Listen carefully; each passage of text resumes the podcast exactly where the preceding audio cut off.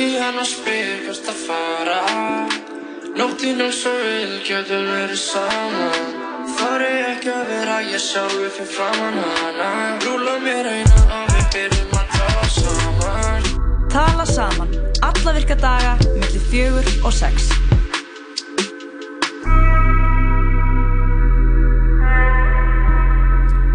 Já, kærlustandi, tala saman, komið í loftið. Það er Jón Kristófur og Birna Marja sem ætla að vera með þér í dag til klukkan 6 og alveg mándags þáttur í þetta framöndan. Við erum bara, ætlum að hafa það notalegt. Já, það er mánudags, mánudagur, eins og einhver sagði. eins og, já, ég sagði eitthvað tímann. Já, var það ekki þú sem sagði það? En uh, framöndan er ég að smekkfullu þáttur, eins og alla aðra daga. Jú, jú, heldur betur. Fram til Við- okkar, um, já, góða menn hérna eftir nokkra mínútur. Mhm. Það eru strákarnir í Hips um Haps Mhm. Sem að gáfu út sitt annað lag núna um helgina. Svona komu öllum smá óvart, Já, þeir eru bara að spila sínum hraða, sko. Ég fýla það. nákvæmlega. Og með lítið cozy sunnundags lag hérna Cozy sunnudags teng. sem, sem kom inn kl. 6.15. Já. Ó, það er ljóða þetta. það er ljóin. Það er einn ein, ein köld. Einn lóa. Svona alltaf að koma vikunni af stað. Ætti nú. Þannig að uh, við ætlum að spjalla við þá. Við ætlum að gera það. Um, Þú ætlum að og ringja símtal. svo ætlum við að ringa símtal. Um, Var ekki eitthvað dæmi að gerast í, í fótboltanum melgina? jú, jú, jú, jú, jú. Það eru sko, það var úrslutinn í byggarnum á laugadaginn. Í bikarnum? Byggarnum. Mjölkurbyggarinn held ég að þetta heitir núna. En um, sá leikur fór fram á laugadagsvelli á laugadaginum og þar mættust Selfoss og Káar. Mhm. Og við erum að tala um í kvennabortanum þar sem.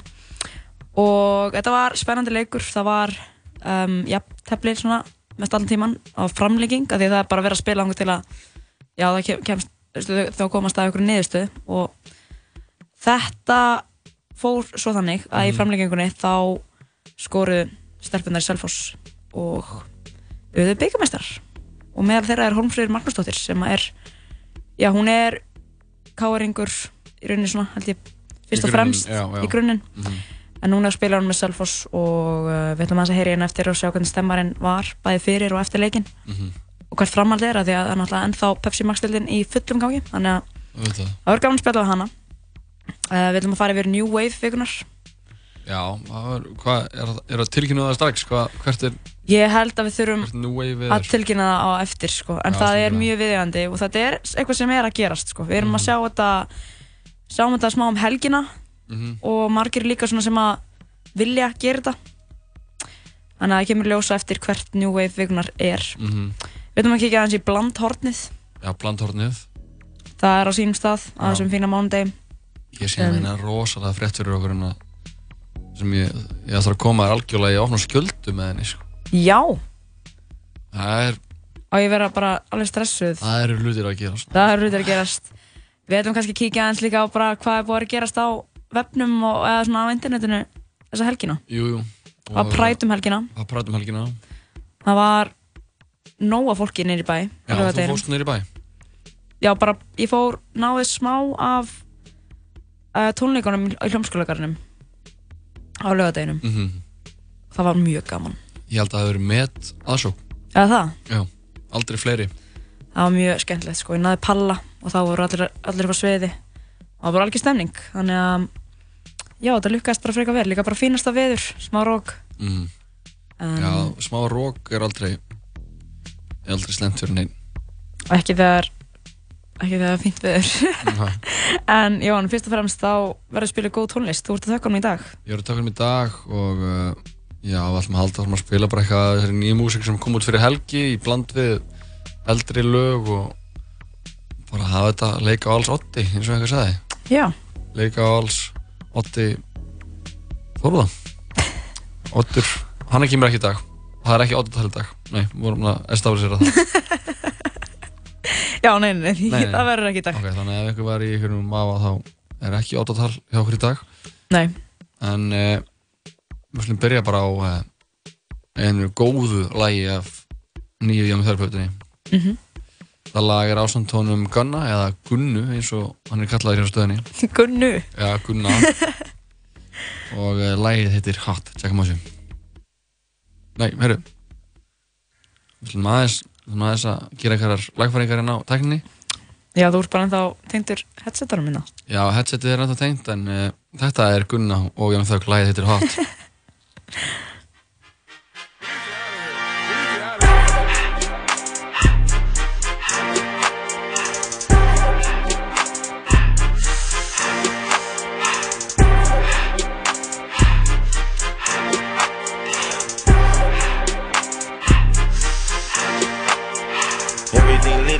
when it's hot.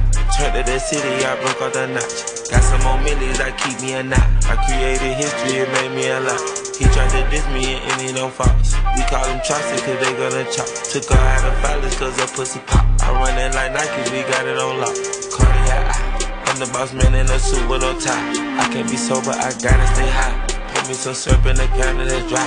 Riding the special like Bunny and Clyde. Don't worry, baby, I keep me some fire. She Shenanigans and burgers, she cannot decide. The ladies Mercedes will go to surprise. Don't sleep on Miss Lady, her pussy her pride. Digging her back while I'm gripping her side. Digging back back, this ain't regular size. You really floppy like pelican guys. Richie range look, I can tell her. Upgrade at my wrist, put her gas in the sky. She think I might sign her and change her whole life. I told her to goggle and work on her eyes. Everything litty, I love when it's hot. Turned to the city, I broke out the notch. Got some more millies, I keep me a knot. I created history, it made me a lot. He tried to diss me and any no faults. We call him Chaucer cause they gonna chop. Took her out of violence cause her pussy pop. I run it like Nike, we got it on lock. K, money, K, K, eh, baby,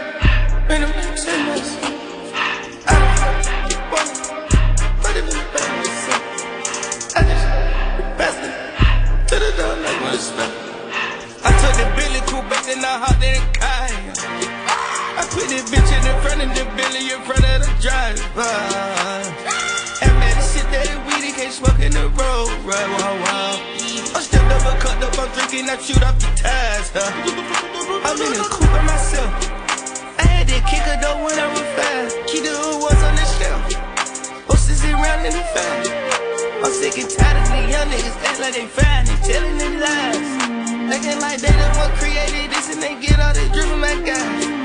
Yeah, Cartier eyes, Cartier coat, Cartier ass to watch. Cartier look, Cartier to die. Cartier spec buffalo on the side. Prison cut diamonds, they Cartier, yeah. Cartier back for the Cartier thigh. Sky ring look cool with 200 the dash. Cartier jeans, ain't no way I can say. Ain't no way I'm ever gonna go out. Man, I can't go out, no way I'm gonna go out. I just grip on her ass and I show out. I sit like a champ and I wait on her whole lot. I just whip up a new Chanel paddock. I whip it the bricks and I don't break the door out. Turn the whole top floor to a whole house. Hundred racks and one, two about to flood out.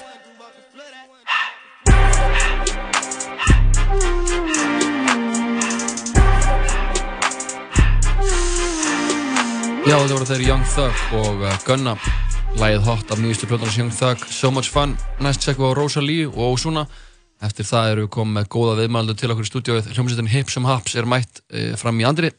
Og ætlum að bjóða velkomin inn fangað til. Hlustu við á Rosalie og Ozuna Lægið heitir Yo T to Me Yo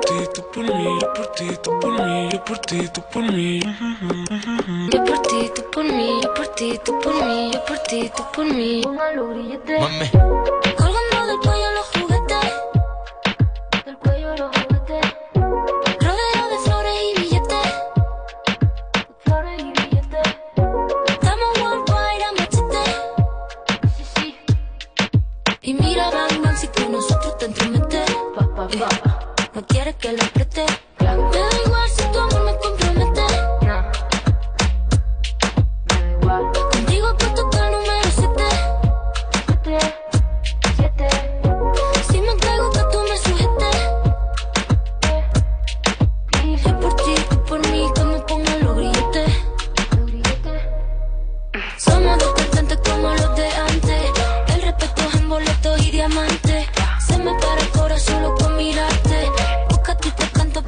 Me cantes Somos los cantantes como los de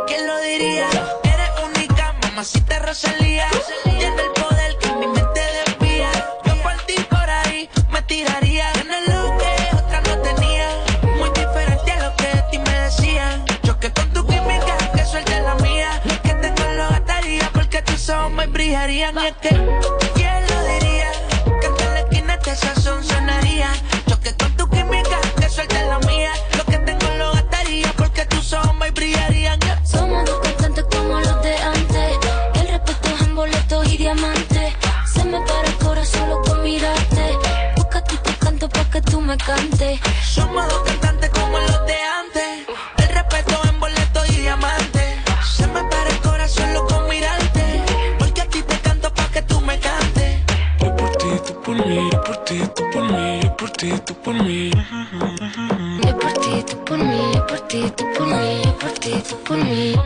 Así sea. Yo por ti, tú por mí, yo por ti, tú por mí, yo por ti, tú por mí. Yo por ti, tú por mí, yo por ti, tú por mí, yo por ti, tú por mí.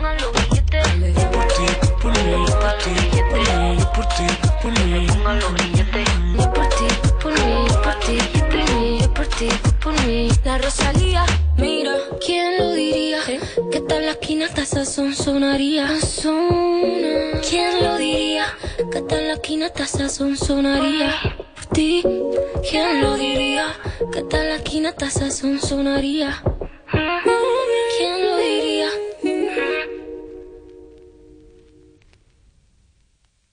Já, þetta var Rosalía og Ozuna Lægið heitir Yo to, to, Yo to, to me Og Já. já, já glæsilegt lag kom út núna í uh, síðustu viku En talandi um nýju lög þá erum við komið með hljómsveitarnar Hipsum Haps til okkar Fannar Ingi og Jökull Freki Þið voru að gefa nýtt lag, verðið velkomin strákar? Takk fyrir það, Jóhann. Hvernig hafa þið í dag? Eh, Vá, geður já, eh, við vorum sem sagt að eiginlega bara leggja loka hendur á mixið á plötunni sem er að koma út. Okkur fljótlega.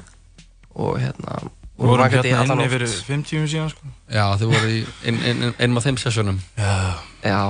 Það gekk gaman, sko. Það var mjög næst. Já, já, það gekk mjög vel og við erum mjög ánægði með hvernig þetta hljómar gött og hérna, en svolítið þreytir bara Já, skiljanlega Þið voru að gefa út nýtt lag í, hvernig kom það út? Það kom út í gæra, ekki?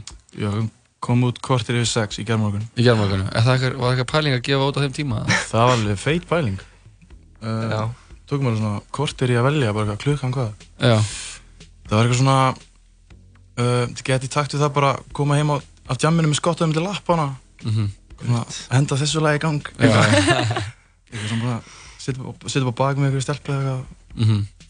Getur þið sagt Bara smá honest. frá, frá þessu lagi?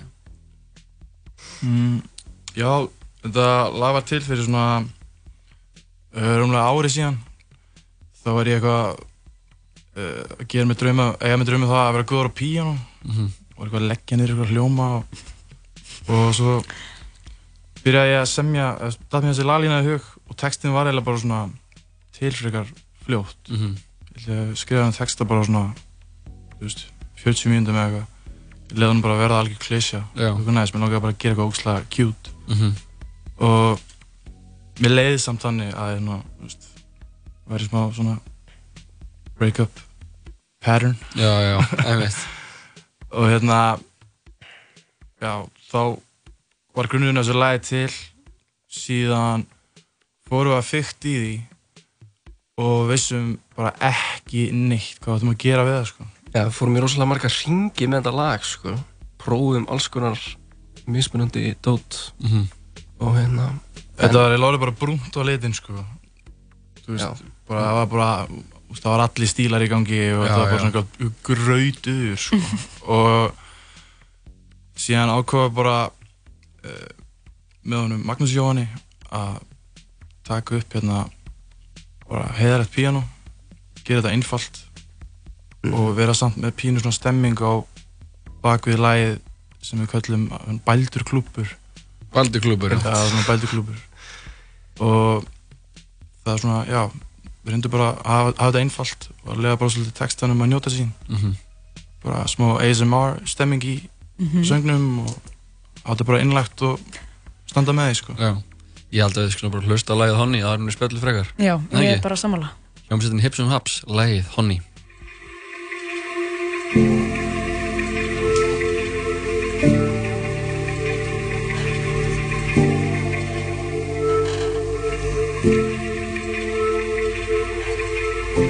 Ég og þú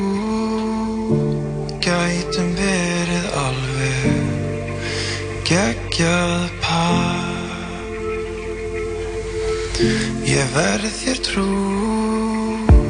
brosi allan daginn sama hvað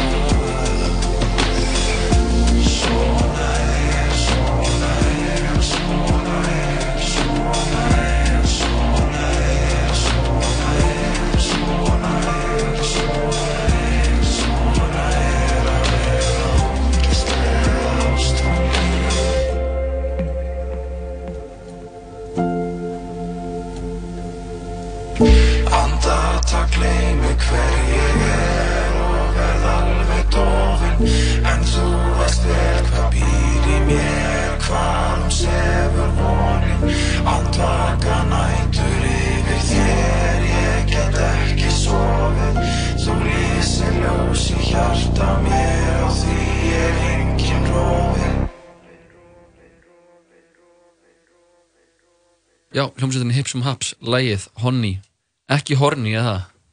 Nei, einhver miskil ykkur hafa ráða. Já, við slumum, og það er mikilvægt að sko, bera þetta nafn rétt fram, sko. Já. Það er eitthvað en getur, það fer ekkert aðeins annað en maður að höra, getur errinu eins, sko. Honni Já, lægið heitir Honni Já, það er alltaf sko. sé í orðabókinu bara H-O-N-N-U-S-L-N-I Nei, alltaf ekki Nei. Honey. Ábyggilega ekki. Honey. Höfunang á íslensku. Já. Strákar, þetta er annar lagi sem ég gefið út. Þið eru að klára plötuna eins og var að segja fyrir aðan.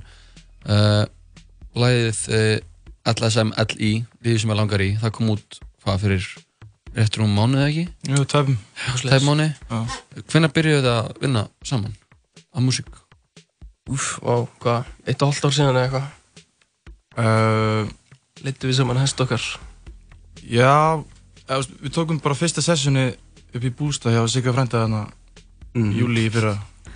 Og Sigga frænda? Siggi frændi, sko. Það er fucking komur. Uh, já, og þar lögðu við bara grunninn uh, mætti ég svolítið bara með lag og texta Mhm.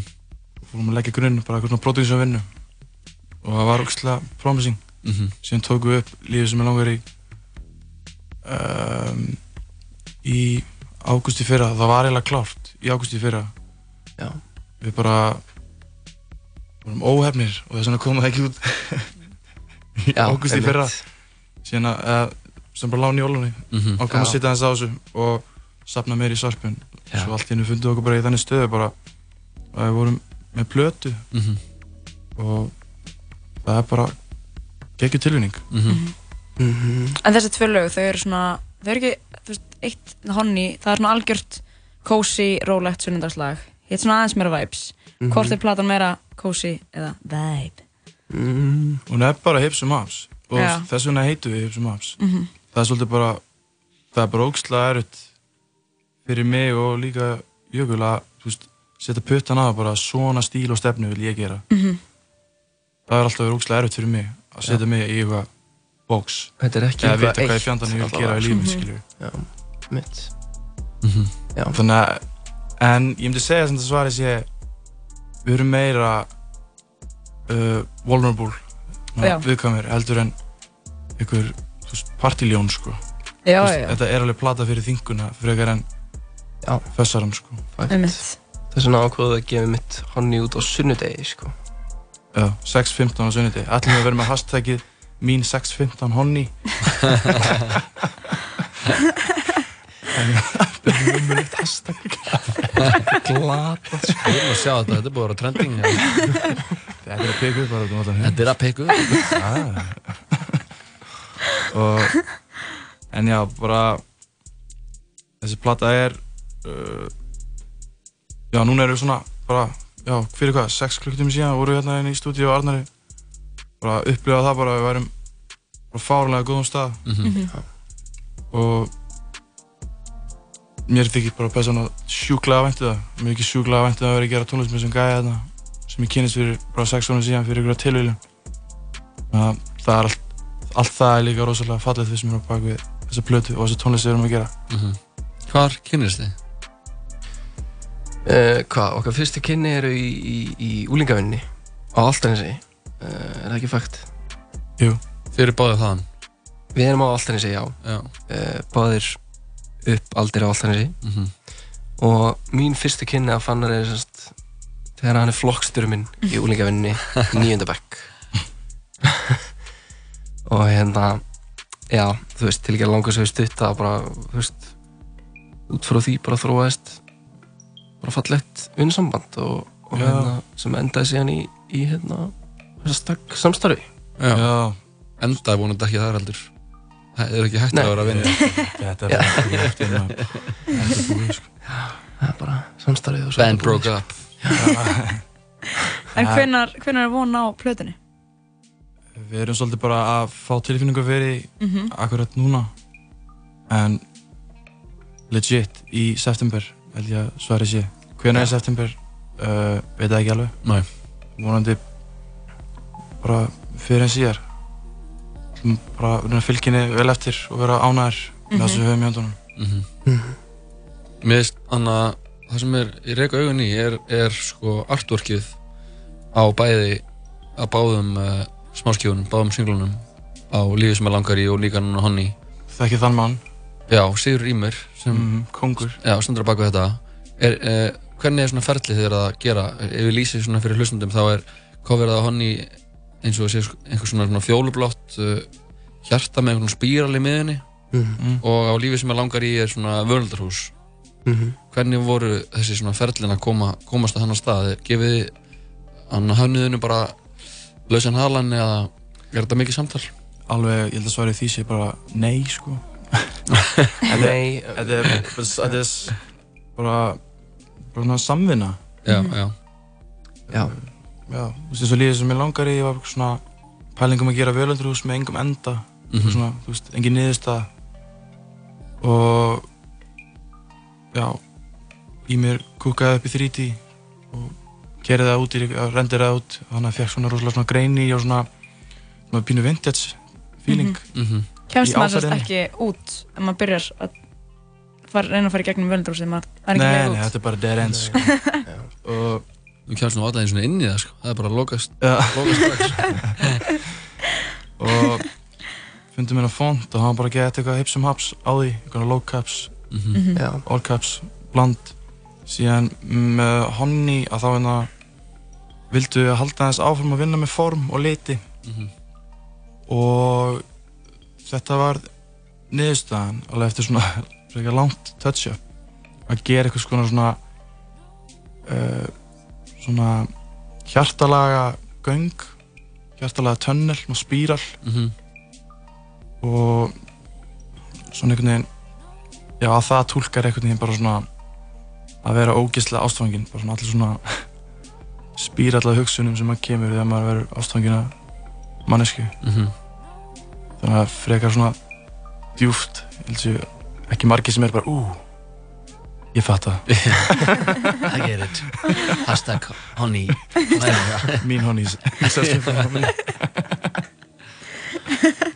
Það er geggjastakar, aðeinslega að fá okkur í heimsókn til hamingjum með þessa músík. Takk hérlega fyrir það. Og uh, ég hlakka bara að geða mig til að heyra plöðuna yes, og bara ég verð að segja hérna bara Magnús Jóhann Ragnarsson. Mhm. Já. bara sákaði sko. Sjára þetta hann Sjáta það hann Vá, maður. Hann bara Sá tók þetta lag sem við kallum Bastarinn og bara Já. gerði það einhverju allt öðru Jon Snow edition, sko. Jon Snow edition. Sjára þetta Magga J Takk fyrir kominu strákar, við slum enda þetta og hlusta á uh, lagið í líf sem ég langar í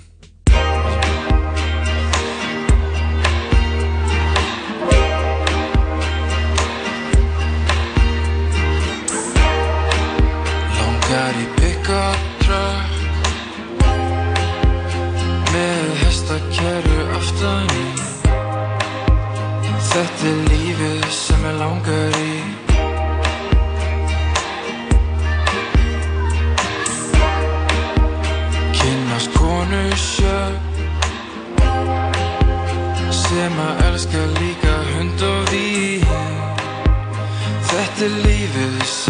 sem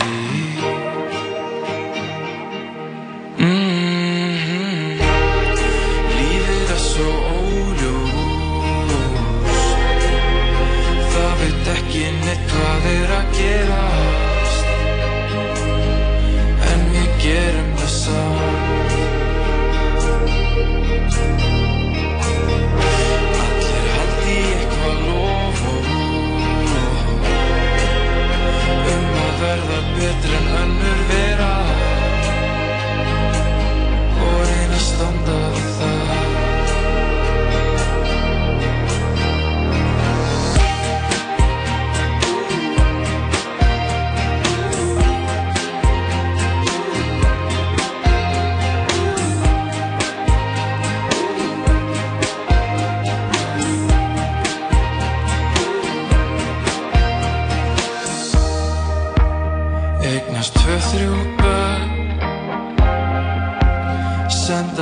stelpuna í vindáslíf Þetta er lífið sem ég langar í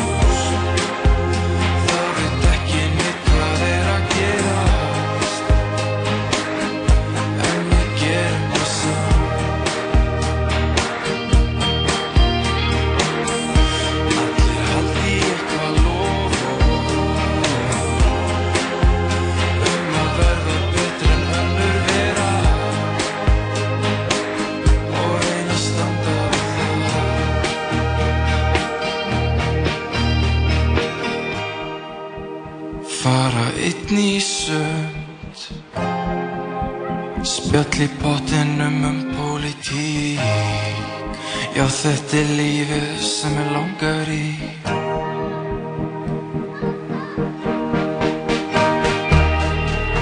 Eiga dauðan fund. Með slöng í æð en ég brosi því. Þetta er lífið sem ég langar í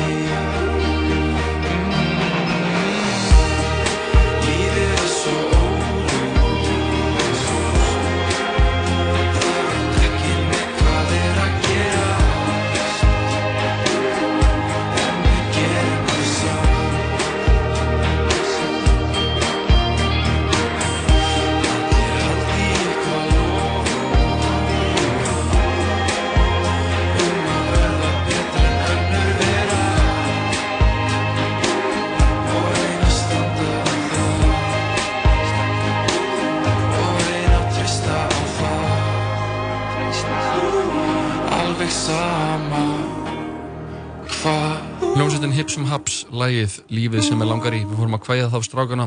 Þeir eru vinnir af Altanesinu, Jökull Breki og Fannar Ingi. Já, sem að Hipsum Haps. þeir voru með að gefa út sitt annað lag í gær Mhm. og það heitir Honey Mhm. mjög skemmtilegt lag Mjög skemmtilegt sko, lag. mjög fallegt lag Já, það eru- er innlegt og fallegt og rólegt og algjört mánudags og sunnundagslag líka Mhm, Þetta eru mjúki menn. mjög menn og það er meira framöndan hjá þeim þeir eru að vinna að ljúka við hlutu Já, voru til líka nokkuð það. algjörlega að klára bara síðustu metrana Mhm. og hún kemur eitthvað þeir. Kemur í september, þeir eru er- svolítið svona go with the flow Já, ég fíla það. þeir eru þannig gaurar Byrta fingur fram. En Já. þátturinn er ekki búinn hjá okkur Byrna. Nei. Ó nei. Ó nei Við ætlum að ringja hérna í hana Við ætlum að ringja í Hólfríði Magnúsdóttur. Já, hún var Vinna. byggarmestari með eh, já, Selfoss um helgina á lögðarsvelli og við ætlum aðeins að taka stöðuna bara hvernig þetta var, hvernig stemningin var fyrir leik, í leik, eftir leik hvað er framöndan og bara heyri henni hún er algjör geit, sko, fókbalta geit Já, fókbalta geit. hún er búin að vera í landsliðinu, aðlandsliðinu síðan 2003 Vá, það eru 16 ár. Mhm. Er ekki fljótur að rekna? mjög hljóður Það eru, voru fyrir nokkrum dögum, 8 ár frá því að þeir Jay-Z og Kanye West gáð blöðuna What's the Throne. í alvörni Mhm. elska þessa plötu. Já, til með þess alltaf að hlusta þetta lag. Þegar við komum tilbaka. Þá voru þau komið með hana hólfríði á línuna. Þetta er lagið Óris. It makes it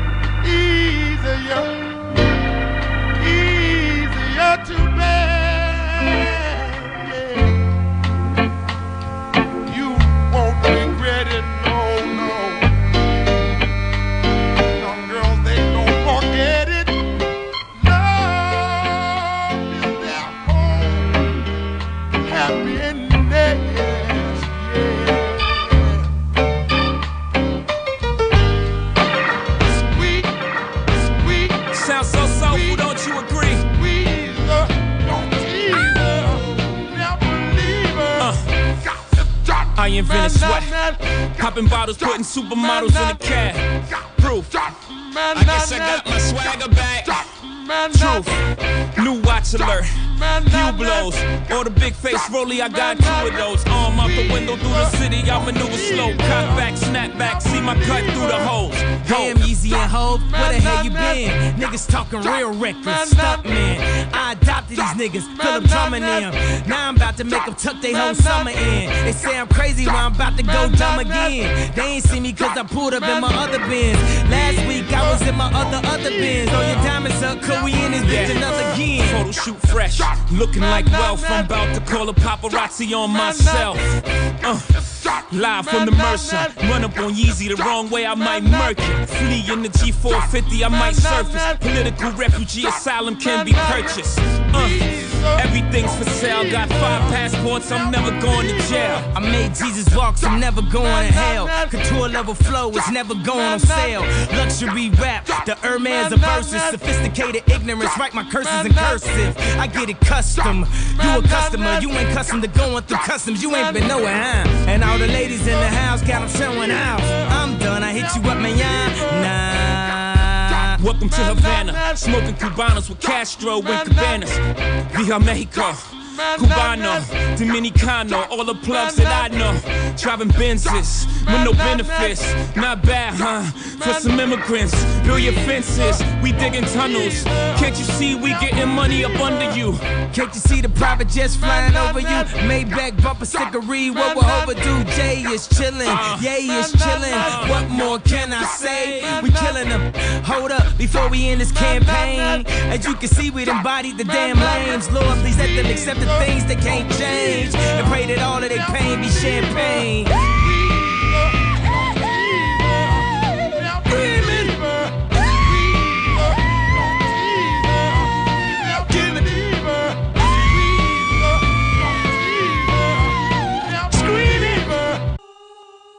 Já, þetta var, uh, voru þeir Kanye West og Jay-Z af blöðunni What's the Throne sem kom út fyrir 8 árum Haldið því? Það er magnað hvað tíminn liður hratt ég Hann dyrka þessa plötu, dyrka hana enn Þetta er er fyrsta rappplatan sem þú hlustaðar á já, það er rétt en við erum komin já, með hlustanda. Nei, við erum komið með einhvern á línuna. Halló. Já, hæ. Sæl blessu, Hólmfríð Magnúsdóttir, hvað segir gott? Ég er bara eldkvæmst að mánu degi. Er það ekki? Sko, þetta er náttúrulega um, stór helgi sem er að baki. Varst að spila í byggarúslutum. Er ekki rétt um mér? Já, jú, mikið rétt. Og maður er bara ennþá, ennþá, ennþá að melta þetta. Þannig að við náttúrulega bara unnum á móti frábæri liði káar en já, stuðningarna sem við höfum eftir leik og fyrir leik og maður er bara svona ennþá að jafna sig. Einmitt. Á mikil stemning og mikil líka búið að bara peppa þennan leik sem er líka mjög gaman, sérstaklega í um hvernafókbólta.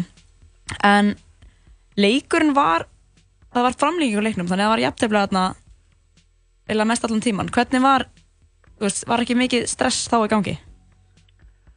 Ég held að það sé meira stress að horfa á leikin en að spila hann. En þannig að ég var ekkert stressið en þetta var þetta mjög opinn leikur og hefði ekkert að dotti káur megin Mhm. en auðvitað en við vorum svo hefnar að þetta datt okkar megin á lögadaginn og stelpunar í liðinu og allt bæjarfélag á þennan títil bara virkilega skili búið að vinna í, í kvennaknarsfinni í nokkur ári og búin að stefna þessi titli í nokkur ár. Einmitt. Hvað er þú búin að vera lengi um, í selfhóðsliðinu? Herðu, ég er búin að vera í þrjáðu hálfa mánuð en Einmitt. mér líður samt eins og ég sé búin að vera nokkur ár þar sem það er búin að taka svo rosalega vel að móti mér og já, ég gæti eiginlega ekki liðið betur. En þú varst í K.R. Er það ekki rétt um mér? Jú. Og hvernig fannst þér að spila- mæta, mæta K.R.ingum? Ég gleymi þín að velja bara þegar flautaði til leiks og þarna auðvitað hef ég tilfinningu til káar. Ég hef búin að spila með káar mörg tímabil Mhm. alveg frá að ég var ung og káar hefur sannlega stóran stað hérsta mínu en akkurat, akkurat þarna lögadaginn klukkan 5 til hvað það segi, halv 8 þá þá maður gleymi því bara ég leik maður selfoss og ég fætti upp alveg á Söðurlandinu þannig að Einmitt. ég á ræti mínar hérna All right. Það Er þetta ekki fyrsti, þetta er fyrsti titlinn sem Selfoss tekur? Jú, fyrstu titillin og í fótbolta Mhm. og þetta gefur nú yngri flokkunum aldeilis a- bara trú á, á framtíðina að þetta er hægt fyrir strákar og stelpur. Þannig að það gefur rosalega mikið til já, ungra yskendur í Selfoss. Að sjá bara að þetta er hægt að, að maður verður að hugsa hátt. Nákvæmlega. Líka það, þetta er líka máli með byggarinn, er að það getur allt gerst. Mér finnst það svo Já, já, skemmtilegt. bygg- Já, nákvæmlega byggar alltaf byggar og ég vissi að það myndi vera alveg hörsku leikur á móti káar Mhm. og þær áttu alveg sín. Klára, þannig að við erum búin að vera se- góðri siglingu sumar og, og sigurinn eru svolítið búin að detta okkar megin þar sem við gefumst aldrei upp og þetta var bara algjör vinna sigur og þvíleik liðselt sem selfasliðið er Einmitt. En segðu mér aðeins hvernig stemningin var eftir leik þegar þið komið aftur, um, já, kerðið aftur söður og rútan lendir inn í bænum. Hvernig var stemningin þá? Þetta er bara eitthvað sem ég bara, ég hef unnið, þetta var fjórði byggarleikur sem ég hef unnið og ég hef bara aldrei upplifað annað en þetta er bara eitthvað, ég er bara ennþá maður gæsa hús. Mm. Bara laurugli fylgdi yfir brunna og, og allt fólki sem greiði eftir okkur á, á, Hotel Selfossi á bílaplaninu. Þetta var bara, þetta var, ég bara áhverleik til orð að þakka fyrir hversu mikil stuðningurinn er einn og þetta er algjör íþróttabær. Það er bara alveg sama hvort sem eru stelpur eða strákar að að keppa. Þetta er bara að styðja allir við alla hérna. Einmitt. All right. Stemning. En sko, sumar er náttúrulega, spókbólsumar er ekki búið. Það, Pepsi Max-deildin heldur áfram. Já. Þannig ekkert, það er ekkert að stíga bremsuna núna. En Nei, annar leikur á miðvikudaginn er ekki rétt. Jú, á miðvikudaginn heima leikur á móti val og þannig að við verðum bara núna að- að nú, nýta nýta að við hérna unni byggarleikin og við erum búin að vera á miklu siglingu og taka þetta bara inn í, inn í bankan hjá okkur og reyna að byggja ofan á þetta og, og reyna að gera enn betur. Einmitt. Um, og svo bara, hvað, þeir eru fjórðasæti núna eftir 13 leiki og liðið fyrir ofan ykkur er enda búin með 14 leiki, þannig að svona kannski, þeir eru svona, svona að hoppa milli þriðja og fjóra núna, þannig að hvert er markmið í Pepsi Max-deildinni? Markmiðið okkar er náttúrulega bara að hýrða þriðasætið, það er alveg klárt. Einmitt. Og þarna, þetta er alveg bara búið að vera frábær því að okkur var spáð eitthvað staðar annað í fallbaráttinni Já. Og þetta er bara svo mikilvægt líka bara all liðið. Það er bara ekki, það er ekki endilega þessi allu leikmann heldur bara þjálfarinn, þjálfarinn teimið, allir kringu liðið. Það eru við sem hefur trú á okkur og við ætlum bara að halda því áfram að, að, að stefna herra. Nákvæmlega. Hvað hérna, uh, hvað sér fram á að vera lengi þarna? Að spila? Já, í, í Salfóðsleginu. Ég ætla mér bara að taka einn dag einu. Ég Einn dag einu. var 30 35 ára. Einmitt. Já, þarna til bara hvað, ég ætla bara að halda áfram að spila vel fyrir Selfoss og, og klára tímabilið vel. Þetta er ekkert, ég er ekkert sött núna. Ég vil, vil spila, halda áfram að spila alla leikina vel og, og sjá hvort við getum ekki henda í þriðasætinu. Nákvæmlega. Og hafa gaman að þessu. Já, nákvæmlega, bara njóta. Bara leikleið, 1, 2 og 3 sko. En. Hólfröður, takk kærlega um, fyrir að já, nenn að gefa tími að tala við okkur og ég bara, mér finnst mjög erfitt að ætla ekki að segja áfram Valur, ég er valsari sko og Jóhann líka hérna Jú, jú. en, en ég veit að þú varst það líka eins og Hólfröður þannig að en ég óska ykkur góðs gengis á miðgudaginn Já, takk og fyrir ég vona bara að verði, verði byllandi stemning á vellinum sko, heimalegur Já, já, ég hvet alla selfisíkar að mæta á leikin og, og við þurfum, við þurfum að stuðninga að halda á öllum leikim, heimaleikjum, útileikim. heldur betur. Herru, takk kærlega fyrir Takk fyrir. Eða, bæ. Bless.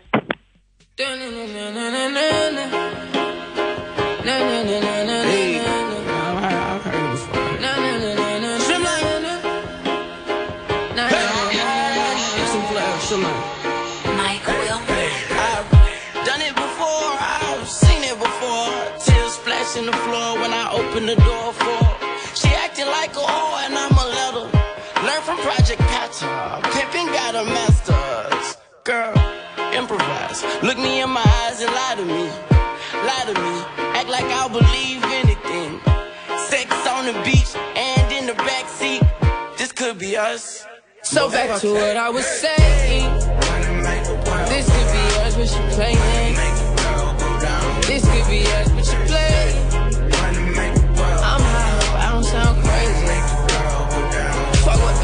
The saying. This could be us, but she playing. This could be us, but she playing. But shit, that's all I was saying. No keys to crank this Mercedes.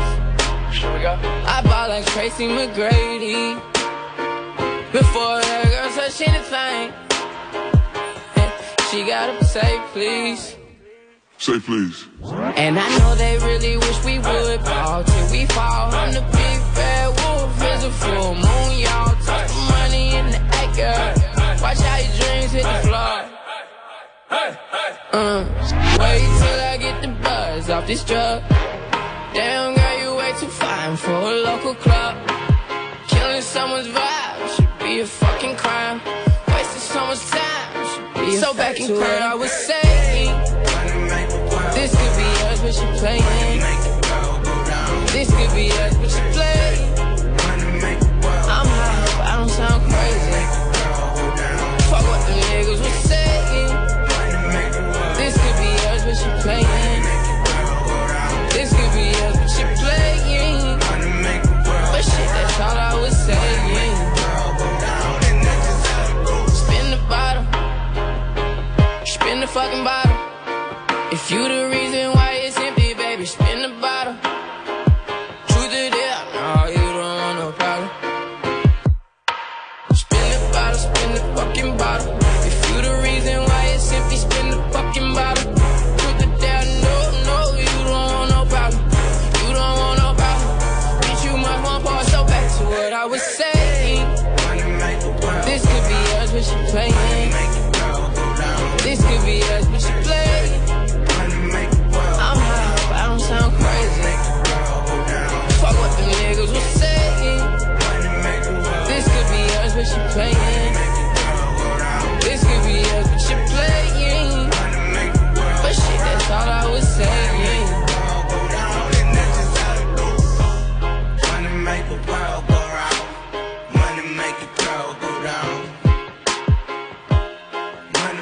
Já, það voru frendurnir í hljómsveitinni Ray Shremmerd, lægið heitir This Could Be Us.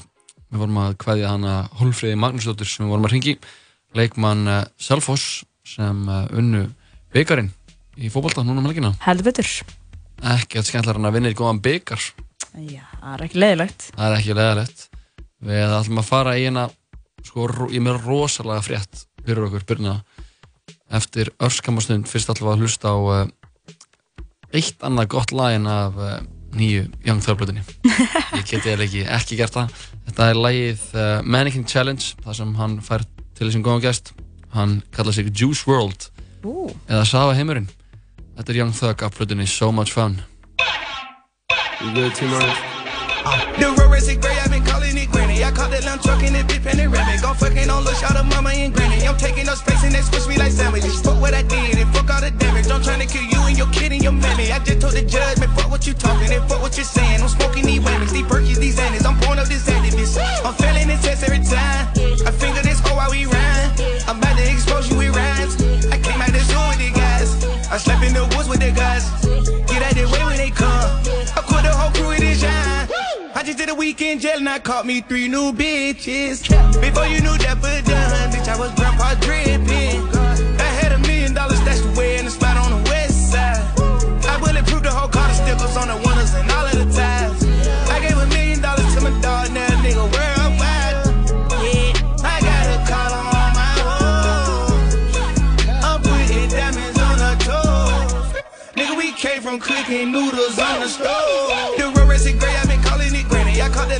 In big panoramic. I'm fucking on look shot of mama and granny. I'm taking up space and they squish me like sandwiches. Fuck what I did and fuck all the damage. I'm trying to kill you and your kid and your mammy. I just told the judge, man, fuck what you talking and fuck what you're saying. I'm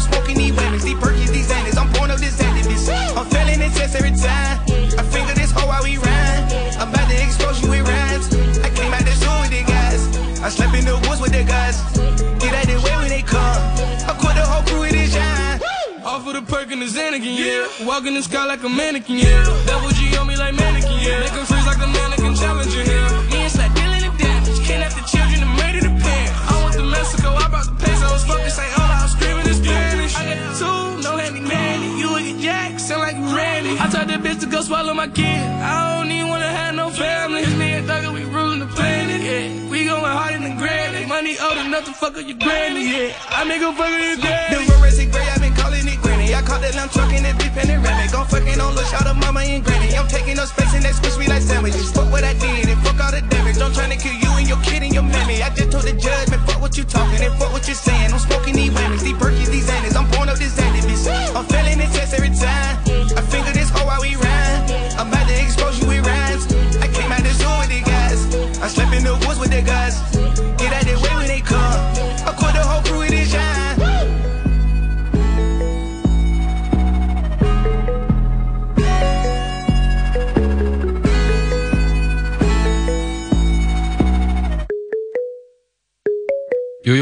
Thug og uh, Juice WRLD með lagið Mannequin Challenge hér á uh, útvarpundur einum sítið sátturinn tala saman heldur hér áfram Jóhann Kristóður og Birna Marja verðum með þér hér í þráðbærni til klukkan 6 í dag Ó já. og uh, það er komið tími til Birna að ég fari aðeins að segja frá einu Já, þú varst með eitthvað rosalega frett sem á vildir endilega segja mér frá. Já, þetta, þetta er eitthvað sem ég held að þú getur haft alltaf gaman að og, og jafnvel Og jafnvel gagn. Fleiri. Jafnvel gagn, Já, já, þú og fleiri, bara allir. Uh, Sko að það hefur verið í umræðinni Vestanhafs í bandrækjunum uh, um uh, sem sagt, um Amazon. Amazon er ég held að það sé stærsta fyrirtæki í bandrækjunum Já, ég gæti alveg trúið því. Ég er frekar vissum að það séu bara stærsta fyrirtæki og Jeff Bezos er ríkasti maður í heimi. Jeff Bezos sem er formaður, að fórstjóri Mhm.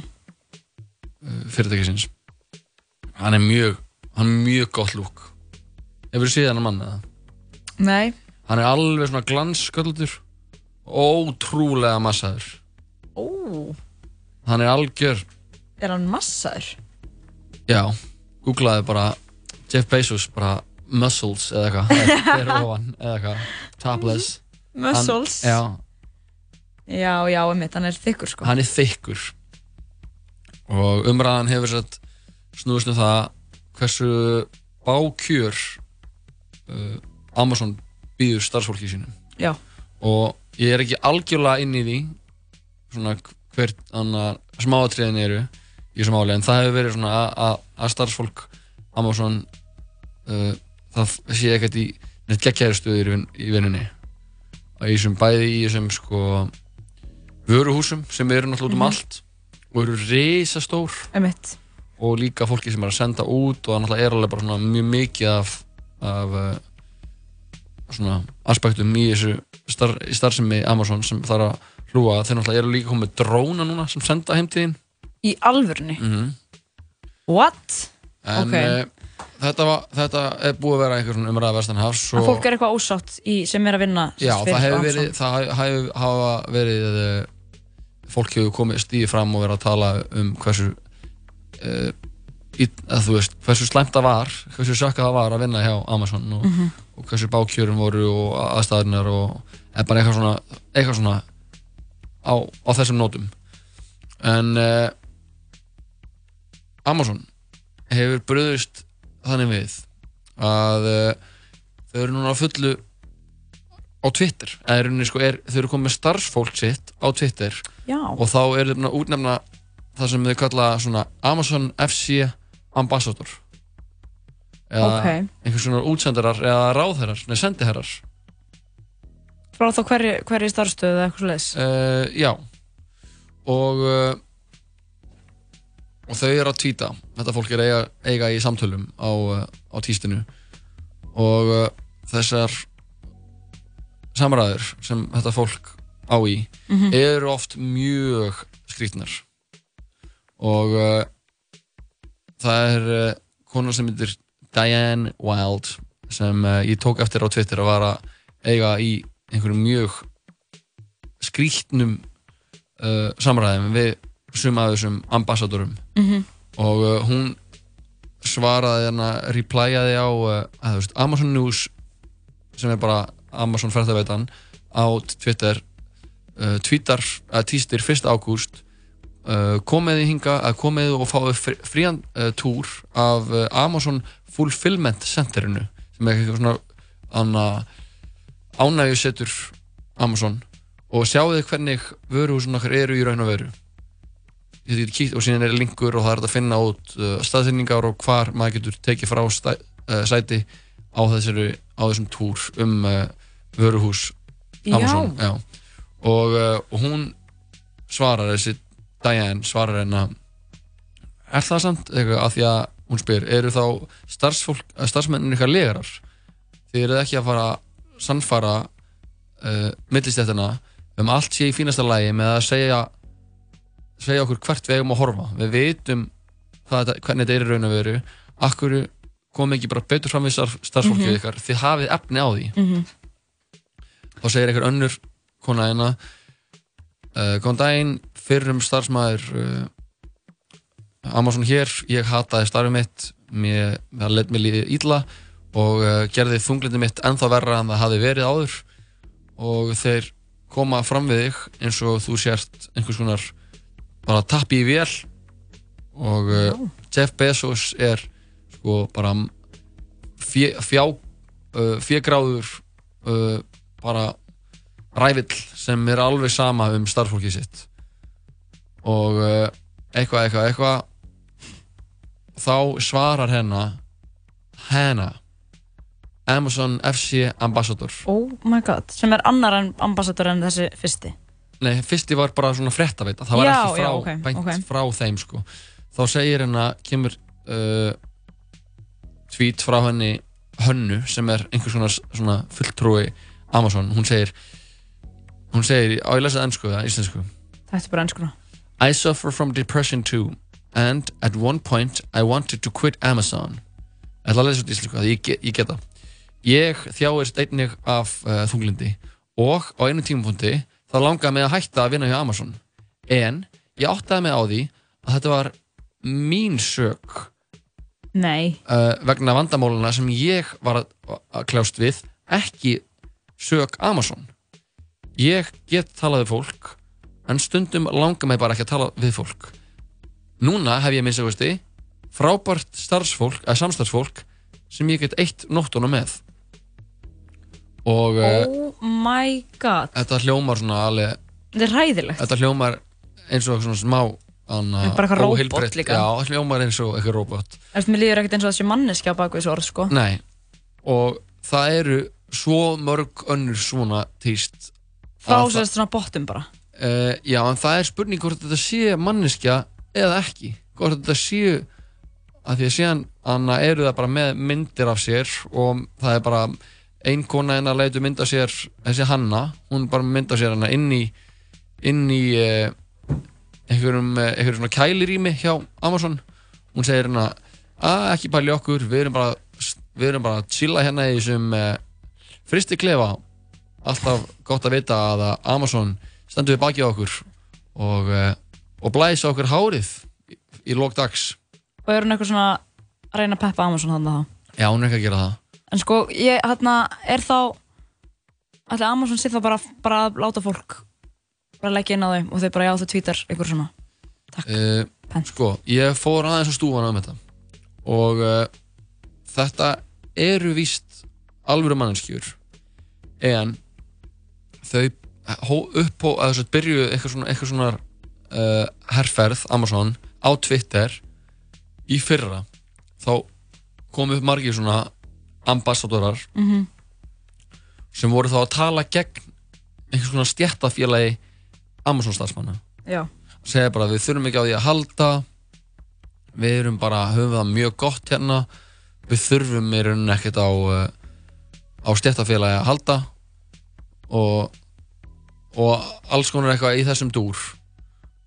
Og núna eftir að þessar umræður um uh, hversu bákjörn eru og slæmar aðstæðanir eru fyrir starfsfólk Amazon þá virtust þeir keira þetta aftur í gang með þetta fólk og það stendur ég, það sem ég fann á netinu var eitthvað sem heitir Sprinkler. Sprinkler er einhvers konar uh, er einhvers konar fyrirtæki sem uh, rauninni sérhæfi sig í, í uh, að sam samina og að halda svona samheild í í deilingu á upplifunum starfsfólks já bara fyrirtækja, menningu og eitthvað svo leiðis Já. Og uh, þetta fyrirtæki býður upp á uh, svona, þetta er svona samfélagsmiðla tengt og uh, þetta sendur bara hérna social media marketing, social advertising content management uh, advocacy, social media monitoring. Þannig að þau eru að sjá um að uh, deila út efni og fylgjast með hvernig efni sé deilt frá fyrirtækjum af, sagt, uh, á samfélagsmiðlum af starfsfólki fyrirtækja, stóra fyrirtækja. Sprinkler vinnur til dæmis líka með uh, Nike, Microsoft og McDonalds. Mhm. og sjá um og passa að það sé vera að tala að það sé bara vera að, að bóða réttan bóðskap frá starfsfólki fyrirtækina Mhm. starfsfólki fyrirtækina og það er þá þetta sem er í gangi hjá þessum fyrirtækjum og hjá, hjá Amazon og það, það er það var sem hann alveg svona stakt alltaf í stúf fyrir marga því að netið er búið að er að trillast yfir þessu það er mm. -hmm. endalist verið að gera memes það er verið að gera sko fake svona fake uh, aðganga einhverjir fake, fólk er að skýra sig bara Anna Jóhann, F, Anna Amazon FC ambassador Mhm. og, og síðan var einhver karakter sem hétt uh, Rafael, einhver persóna sem var, sem er svona ambassador og hann segir hérna mynd af bara ungum strák á þessari mynd Mhm. á, á hans uh, profile Já. og hann segir hérna svo spenntur fyrir uh, fjölskyldudeginum hjá Amazon uh, núna um helgina. Ég get ekki beðið eftir að koma með barnabönni mín uh, í heimsókn svo þeir geti séð ömmu sína vinna. Uh, auk þess ég fæ alls ég fæ einnig frí á þessum degi. Já, og þetta er bara svona ungur strákur. Rafael Amman. Rafael, Amma Rafael. Þetta er grillað. Þetta er alveg grillað, en þá var ég var að lesa ykkur að greina um þetta þá eru þau vist að sko endur nýja uh, prófæla, þannig að eigið ekki út gömlum týstum, heldur bara að skipta þér út láta ekkert nýjan faðgangi, þannig að þetta er einhvern veginn svona Þetta, mér finnst þetta, þetta hljómar ótrúlega illa sko. Já, og þetta ég lítur meina ótrúlega illa út. Það lítur sjúklega illa út. En Sko Þetta lætur mann líka vera bara eitthvað svona ef þau eru að gera þetta núna Hversu marg, marg önnur fyrirtæki hafa gert eitthvað svona líka Já, bara ábygglega mjög mörg sko. en það er Mhm. bara það sem er svo áhugavert í þessu tilviki er hvað þetta lítur ótrúlega eitthvað illa út Heldur þú sé eitthvað fyrirtæki á Íslandi sem er að gera þetta? mm, Eitthvað, Nei, Gaman hér nei Það er svo ótrúlega fyndið það er eitthvað, það er eitthvað svona það er svo mikið að að þetta er svo tölvu gerð tilsvör hjá þessum svara fólki fyrirtækisins að það, það kemur alveg fáránlega setningar. Það er einhver, hérna- einhver það, fólk, að því að fólk er bara trolla. Það er að trolla Mhm. þessa ambassadóra og hún hanna hérna setur mynda sér í einhverjum kæli hérna og þá svarar einhver sé sprinkler.com og, og þá segir einhver uh, hefðu þið ekki haldið að sprinkler væri eitthvað að það væri eitthvað það myndi bara panta ef þú vildir einhver myndi koma að pissa á þig. Eitthvað svona, einhver, einhver leið að grínast og þá, þá segir einhver hérna að pissið er geimt í flöskum. Þá segir Monty, ambassador FC, Amazon ambassador nei, það er geimt í blöðurum fólks og síðan fara þeir á klósitið og losa sig við þar. Ha? Já, og maður er bara eitthvað hvernig, þetta fólk er, það er engin að followa nei, engin af þessum accountum er að followa neitt og þau eru bara með 39 followers upp í þú veist, svona 70 eða eitthvað. Þannig að þetta er bara svona, og eina sem þau tvíta er bara, ég er hérna ég er hérna að vinna á Amazon. Frábært í dag, hei, komið og tjekkið á okkur, við erum hérna að vinna hjá Amazon. Og ég, ég, maður verður alveg svona kjáftstoppa á að skoða þetta því að þetta, við, það lítur bara út fyrir að við séum komin í einhverja dystopíska framtíð Mhm. þar sem fyrirtæki eru farin að búa til eitthvað svona gerfi fólk til þess að taka upp hanskan fyrir það af því að Já, þau eru greinilega að skýta upp á bak sjálf. En líka sko eitt í þessu er að eins og Amazon er einmitt bara eitt stærsta fyrirtæki í bandaríkjunum. Mhm. og þú veist, er mjög mikilvægt fyrirtæki, það er að senda út um allt og Já, með maður ógeðslega finna mikið af- rosalegt starf. Já. Þannig að þetta er ekki svo að maður geti eitthvað sagt að þau séu cancelled, skilur Nei, mjög erfitt að cancela Það væri erfitt sko. Það Það væri bara eins og að að cancella Google, skilur Já. Hvað er Þetta er að eiginlega-? Það ætlar að fara bara Yahoo. Bara bing, Bara bing.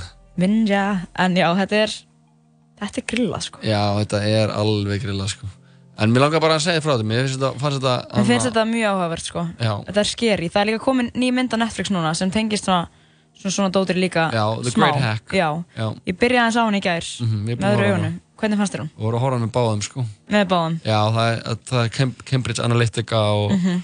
og, uh, og fórsetakostningar í bandaríkjunum þegar Trump vann og Brexit Þetta er allt bara, það er allt svo mikið einhverjum sköndulum, það er allir að skýta svo mikið á baku og fela það. Einmitt. En síðan, blessunulega, er fólk að gera heimildamindir Þegar í, núna þegar, þegar uh, allir, þú veist, fréttamiðlar vestanháms eru bara allir enga það eru bara fólk að stýra þeim í einhverja átt Mhm. þá eru heimildamindinar sko, mikilvægir en það voru áður. Líka núna er Þetta er ekkert eitthvað svona heimildamind sem kemur út eitthvað mörgum árum eftir eitthvað gerist Nei, þetta Skilur, þetta bara- tengist bara nákvæmlega því sem við erum að upplega núna Þannig að Facebook-leikinn en að það Mhm. lágu upplýsingar bara hjá okkur um hvað 500 miljón, nei 50 miljón notenda Facebook Mhm. Og líka bara við séum alltaf að samþykja bara allir megi vita allt um okkur Einmitt. og við veitum hvað, og nota, allar nota upplýsingar Þetta er klika þær. sko, Þetta ég mæli, alveg með að tjekka þessa mynd, hún er á Já, nettarnum sko og ef fólk vil kynna sér þetta frekar Amazon-dóti, það er mjög öðvöld að bara með nokkrum Google mm smellum þá er það að finna mjög sko skeri tíst en líka mjög fyndin. Við komum aftur þetta smá, við slum tjekka á þeim vinnum uh, Birni og Lil Binna. Þetta er lagið uh, Binja.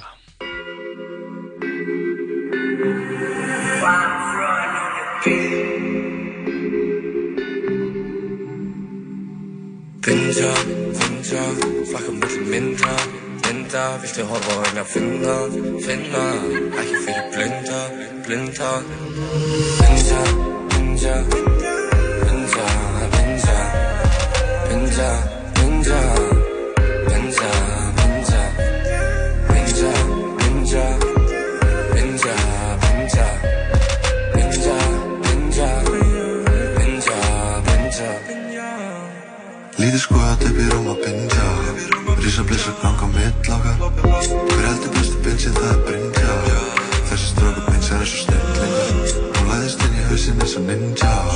Ég sé hann að bossa í heitlingum Hún var eins og ég óður en við kynntum. Svo ég er ekki segur um spillin Franski syng ná, en fyrir mér bein Já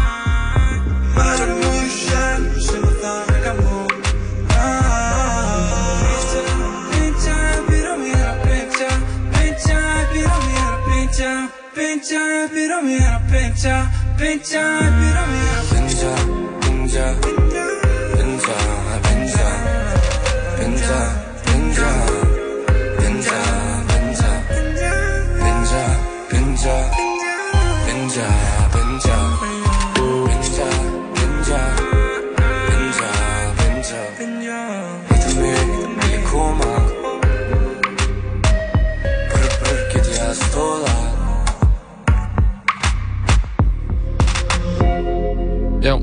Birnir og Lil Binni, lægið Binja. Nú sluðu að tjekka þeim A$AP Rocky og Skepta, lægið hittir Put That On My Set.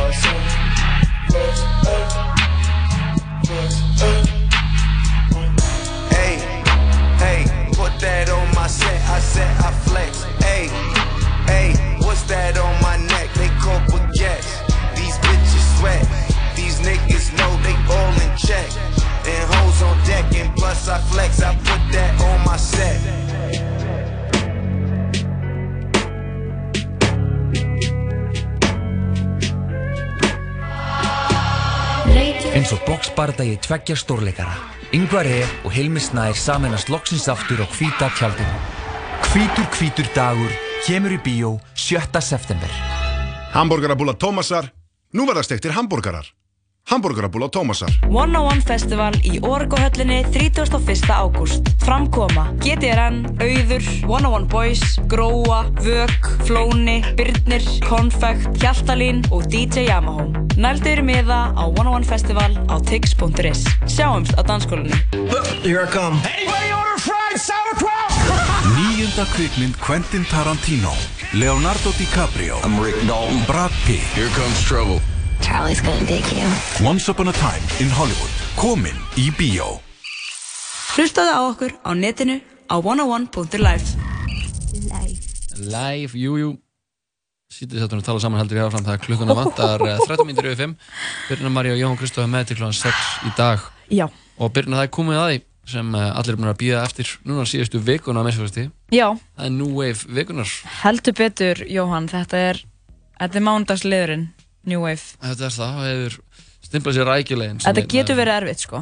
já, það er erfitt að koma alltaf með eitthvað nýtt uh, lífs, svona nýja lífsbyggi eða nýtt Já, eitthvað svona, eitthvað, eh, eitthvað sið. gjörð eða, eða einhvers konar hlut eða vana á hverjum einasta mánudegi en, En- við gerum það nú samt sem áður hér í sítið þetta að tala saman Já, og New Wave vikunar. Þetta er, sko, en við segjum nákvæmlega hvað þetta er. Þetta er eitthvað sem við erum búin að sjá svolítið mikið af í sumar. Eða, mikið af allavega tvisasunum. allan að tveisar Um, ég sá, þetta var um helgina. nýbylgja helgirinnar, er það kannski? Æ, Þetta, já, þetta gerist um helgina núna, já, til dæmis. Gerist líka fyrir sumar. mm Um, ef við ekki bara henda okkur í, í þetta. ég bara tell me Og ég segja þér. já, segðu mér Wave vikunar er að banna myndatökur á viðbyrjum. já, það er bara með símalausa Já, í rauninni. já, að vera bara með Símalausa viðbrögð. símalausa viðbröð, já Og- já, þetta er þetta er náttúrulega var, það, það kom fram í uh, þau voru að gifta sig uh, Frans og uh, Solon og Diego Já, þau gifti sig núna á laugardeginum uh, síðasta. og var engin símar Var- Ég veit ekki hvort það, síma þeirra teknir af fólki en það mátti ekki taka myndir. mm þá er þenni frekar vonleysi en nema þess að það var að vera eitthvað bara svæða einhverjum e-mail í Já, sendi með, texts. já. Þetta, ég var líka er- ég, ég var að vitna þessu líka þegar ég fór á uh, sagt, sýning út í New York í Brooklyn þar sem uh, Beastie Boys voru svona að segja söguna sína segja söguna af, mm af hljóms tilurðum pantsins. Þeir skrifuðu bók sem heitir eitthvað Beastie Boys book og síðan uh, var Spike Jones leikstjóri, kvimda hann hjálpaði þeim að setja á svið og þetta var það var þannig að Jonah Hill og einhver var að pródúsera þetta og þetta var svaka flott í svona rosa leikhúsi í Brooklyn. Þegar ég kom inn þá var ég, já, ertu með síma? ég bara, já. Þá var ég, enna þá fekk ég bara svona lítinn vasa svona, og svona skúpaefni eða svona einhverju tegjuefni og símanum var bara rendur í hann. Og síðan bara það bara lokað fyrir með þjóður þannig að síminu var bara pikkfastur honni og, og ég var bara með hann og síðan var með myndaði líka hún var láta, líka að láta hann í svona vasa loka fyrir. Og uh, eins því ég fór núna orð í Berlín þá fór ég á klubin þar. Og bara maður borgaði sér inn og bara já, ertu með síma? Já, þá bara láta hann limmiði yfir myndaðalina Mhm. þannig að það er svona eins og sé smá allan á sum, sum stöðum er fólk farið svona að finna fyrir því að, eh, að þessar myndavelar allar og þessi símar þeir eru ekki, er ekki að gera okkur neina greiða þeir eru kannski bara ofta að, að sundra okkur frekar en að semina Og líka oft, sko, þegar maður er í einhvern svona, þú veist, einhvern stöðum sem maður veit alveg að maður á ekki að taka myndir, skilur. Mhm, Þegar þú mhm. mætir einhver sýningu og veist að láta að taka myndir af henni, skilur. Nei, En svo mætir í bíó, þú ert ekki að taka myndir af því þá ertu kannski bara, bara mátt það ekki, að, en svo líka náttúrulega maður bara spoila. mm Að allir eru núna allir svo góðir í að geta samt einhvern veginn alltaf, Já, já, Tekið eina mynd, sí- ég get hort að þér núna, tekið upp síma minn Mhm. tekið myndaðir og þú, þú takir ekki eftir neinu sko. nei, þó ég væri að horfa á því bara. Já, þú myndir ekki taka eftir ég eins og ég væri með síman í hendinni sko. Nei, með mitt. Þetta er orðið þannig sko. og fólk þarf að vera, fara bara varlega, bara fara neyri bæ það er bara fólk tekur myndaðir bara á þess að þú vitir að það er bara einhver staðar hinum meginn á klubnum og er að zooma inn Já. taka mynd og maður er bara God damn it people I'm here to have a good time En svo líka sko hérna ef við tölum áfram um sko brúðköpið sem var um helgina. Já, var Um, svona Diego. leit út fyrir að vera mjög skemmtilegt. Já, neða. og það er alltaf bara frekar gaman í brúðköpum Já, það er skemmtilegustu partíin Já, er það ekki? Brúðköp og jarðafarir Já, með mitt. Já, jú, jú, Jú, jú, það er alveg nákvæmlega það sem að uh, það er. En, en hún leiði ekki myndatökur í brúðköpunu Nei, Ég veit ekki alveg sko hver rökin voru en við höfum séð þetta á að gerast núna í sumar þegar að, þegar að hérna, Gilvi Sig og Lexa um, giftu sig. Já, var ekki voru ekki símar Það mátti vera með síma sko en það mátti ekki taka mynd myndir, mynd af þeim. Nei, Það var eitthvað svona, þú veist, maður var alveg spenntur sko að vita bara hvernig lúk, lúkið var á þeim já, sko. lukki að þeim. Bara lökkið Mhm. Þannig að ég veit ekki hvort að Solon hafi verið að pæli því að það væri eitthvað svona reveala eitthvað lúk að Nei. En já, mér finnst þetta áhugavert. Ég, ég skil þetta alveg feitt sko. Ég myndi, myndi ekki alltaf halda þetta væri til að passa upp á að það sæi engin sko, hvernig þið lit út eða lúkja þeim, hvað hva, hva sem það var það. Ég held að það væri miklu frekar bara til að allir væri bara á staðnum. Einmitt. Að fólk væri bara með augun á því sem var að gerast en ekki á símanum af því að Mhm. fólk er alltaf þar þú veist, þú fer á tónleika og fólk er í símanum að taka upp bara, maður sé bara vídeo á tónleikum og fólk er bara að horfa á tónleikana í gegnum síman sinn Mhm. og bara á öllum eiginlega er fólk alltaf að horfa á hlutin í gegnum síman Já. og þá, þá á sér stað bara svona eitthvað svona skilrúm Mhm. það er ekki lengur þetta samtal eða eitthvað svona samanlega upplifun í þessu staði milli þeir sem er að flytja músík eða hvað sem það er, leik, leikhús eða hvernig sem við vilt hafa það og þeirra sem sitja eru að horfa því þeir eru þá komið með annan einhvern vegg á milli. Mhm. þannig að á einhverjum svona viðburði sem er þú gerir ábygglega bara einu sinni eða vonandi bara einu sinni að gifta þig þá viltu vantarlega að fólk sé bara á staðnum. Þú vilt ekki að fólk sé bara eitthvað, eitthvað svona, í símanum eitthvað að taka upp þig að gera þetta, frekar bara að sé manna með þér. Þetta er mjög góða punktur. Líka sko að oft þá er alveg hægt að fá myndir af ykkur annar staðar, skilur það er kannski ljósmyndari sem er bara að taka myndir Já. sem hann sendir svo á alla eitthvað svo leiðis þannig að mér finnst það myndi oft vera að ég sá ykkur myndir úr brúðköpu um daginn ógst að fallega myndir úr kirkjunni Mhm. og að bara, þú veist, góð stemning nema, þú veist, svo ljósmyndarinn er svona að taka svona át gangin Já. það var bara svona heill iPad inn á myndinni sem einhver, þú veist, er að nota greinlega til að taka myndir sem er inn á Professional ljósmyndara myndinni sem er ógist flott. En brúðhjónu hefur núna bara myndað sér þar sem er bara svona ristór iPad bara eitthvað sem er svona að tegja sig inn á gangin til að ná myndaðum að framann þú ert að púla upp á einhverja viðbörði með iPad til að taka upp eða mynd, taka mynd eða eitthvað þá þarf það þess að bara endur sko að gildirmatið sko. Já, not Bara- cool. Þetta er bara svo stórt. Hvað er næst, það er bara að koma með lappan með þér bara kemur bara, já, heldur bara svona á hana heldur bara á fartölniðin og ert bara að taka mynd með mynd, myndaðalinni framann á fartölni ég meina, hvað er alltaf að draga, draga mörkin? Já, ég veit það ekki sko. Þetta er, En þetta er njú vikunar, að halda viðburði og það sem að banna síma. Já, bara símalösi viðbörðir bara að vera, þetta er rauninni bara að vera vera á staðnum sko. Mhm. vera í, eins og einhver sagði, í núinu. Já, vera í núinu. Vera í núinu. Eða, já eða, jú, hvernig sem, þá það Ég átti að koma með eitthvað orðagrín þarna uh, En það virðist ekki verið vinsalt hjá þér Orðagrín? Orðagrín sem ég ekki með þau, þau, þegar þau hitta þá hitta þau sko en þegar þau hitta ekki þá hitta þau ekki sko Já, en við skulum gleyma þessu Við skulum gleyma þessu. Við skulum fá eitt lag hérna frá henni Georgia Smith. Hún var að gefa nýtt lag á samt uh, tónlismann Burna Boy. Lagið heitir Be Honest. Sýttist að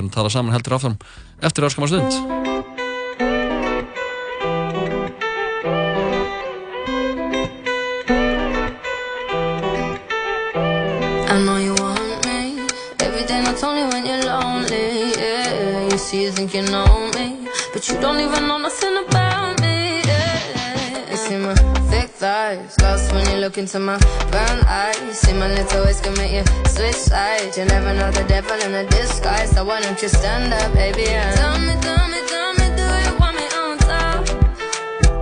So let me show you, show you, show you. I don't need to back it up. Don't wanna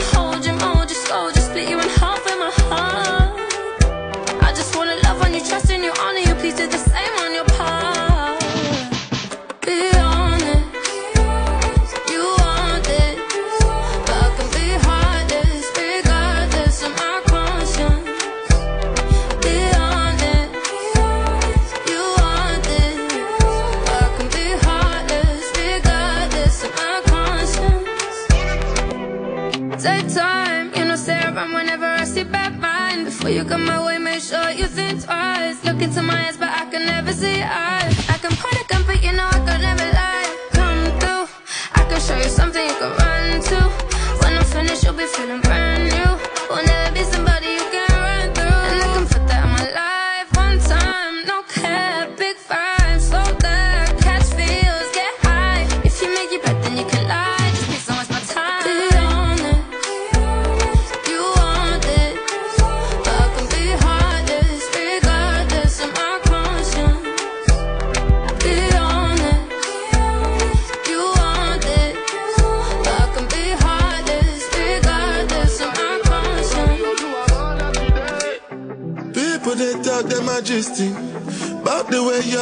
twisting.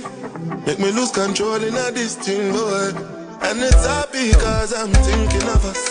Don't go throw me under the bus. Under spell, I'm under your love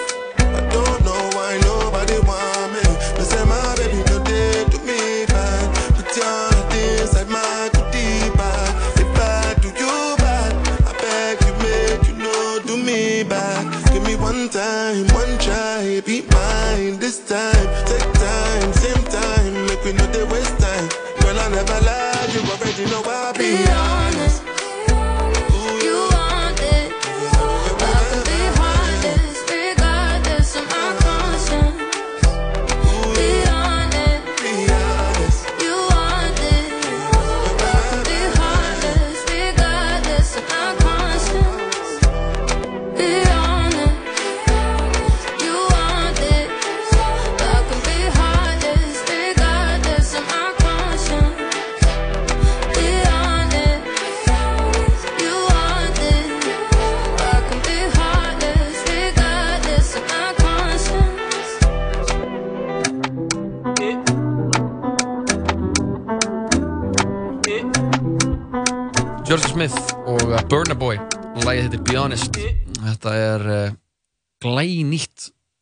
Breitlandi Geggjað Burna lag. Boy, ég held að hann sé ég veit ekki alveg hvað hann er en uh, George Smith er allan að breski ég held að hún sé að fara að potta þetta. Ég, ef hún er ekki með næsta bondlag þá skal ég hundur heita.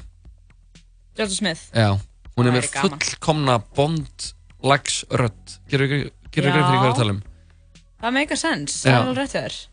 Vá, Bondlögin, við þurfum eitthvað svona, það, það, það, það þarf að vera eitthvað svona íslensk útgáfa af, af Bondlæginu, við skoðum við það. Er það kannski bara áramótisköpslægið? Já, það er bara svona, svona eins og þessi flokkur bara. Já, eða svona, eitthvað lag sem fylgi kemur út, nokkur ára fresti kemur nýtt Bondlag.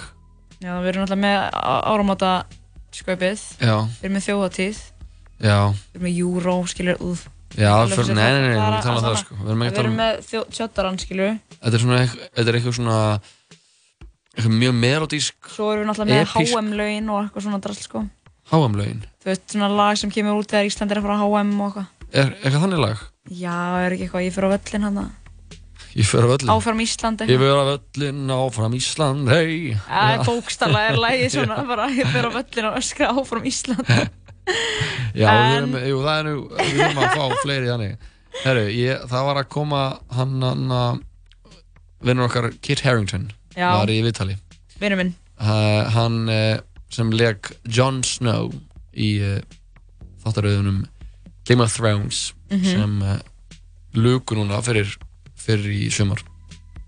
Mikið rætt um það og uh, allir með skoðanir og, og loka seríunni og, og já, við förum ekki í það frekar, við erum að ræða það fram og tilbaka. Já. En hann var í viðtali hjá við Hollywood Reporter sem er svona sem er svona fréttamiðill uh, Vestanháls og uh, þar er hann að tjá sig um þessar lokaserju og sinn leik í þessar lokaserju og hann tjáir blaðmann þar að hún eh, Emilia Clarke sem leikur Daenerys Mhm.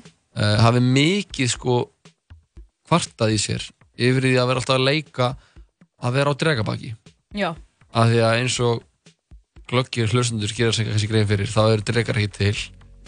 Uh, allan ekki svona stóri sem fljúa um. Nei. Og uh, hún þurfti þá bara að leika að hún væri á baki drega og þá er hún bara á einhvern svona stóru green screen einhverju st risastóri gríniskinni rollu. Mhm. og þar sem hún situr inn í einhverju stúdiói og er svona að þykjast vera bara að fara ótrúlega rætt og, og hátt upp í himnunum að, að bara að ríða drega bara eins og enginn sem morgundagurinn. Og uh, og Jones sagði bara við hann heru, ég er bara að vaða hérna einhverja drullu bara inn á Norður Írlandi. Að þú situr bara í uppbyttuðu stúdíu og það er bara, þú hefur bara mjög fínt. Já. en síðan viðkennir hann í þessu viðtali að uh, þegar hann loksins fór að leika móti dregunum í þessari loka serju þá uh, hafa nú þótt að algjörlega glatað. Hann segi bara að þetta var skelvilegt þetta er ekki leiklist með nokkur móti. Svo var þetta mjög óþægilegt fyrir Karlmann. Nei, að þú situr ofan á einhverju grínskrín rollu Já. og ert að láta eins og þú sért að fara gett hratt einhvers staðar á- bara á drekabaki upp í hálóftunum Já, þetta er ekki, þetta er ekki svona leiðilegt, sko. en hann segir, hann, seg, hann segir bara að þetta hefur verið umulegt Jésús. já, verður að pælta sér því þú ert inn í einhvern ótrúlega, ótrúlega heitu stúdiói hann er klættur eins og hann er klættur í einhvern svona einhvern rosalum gærum með einhvern einhvern frakka og hann er alltaf bara í rosalega, rosalega heitfengu lúki.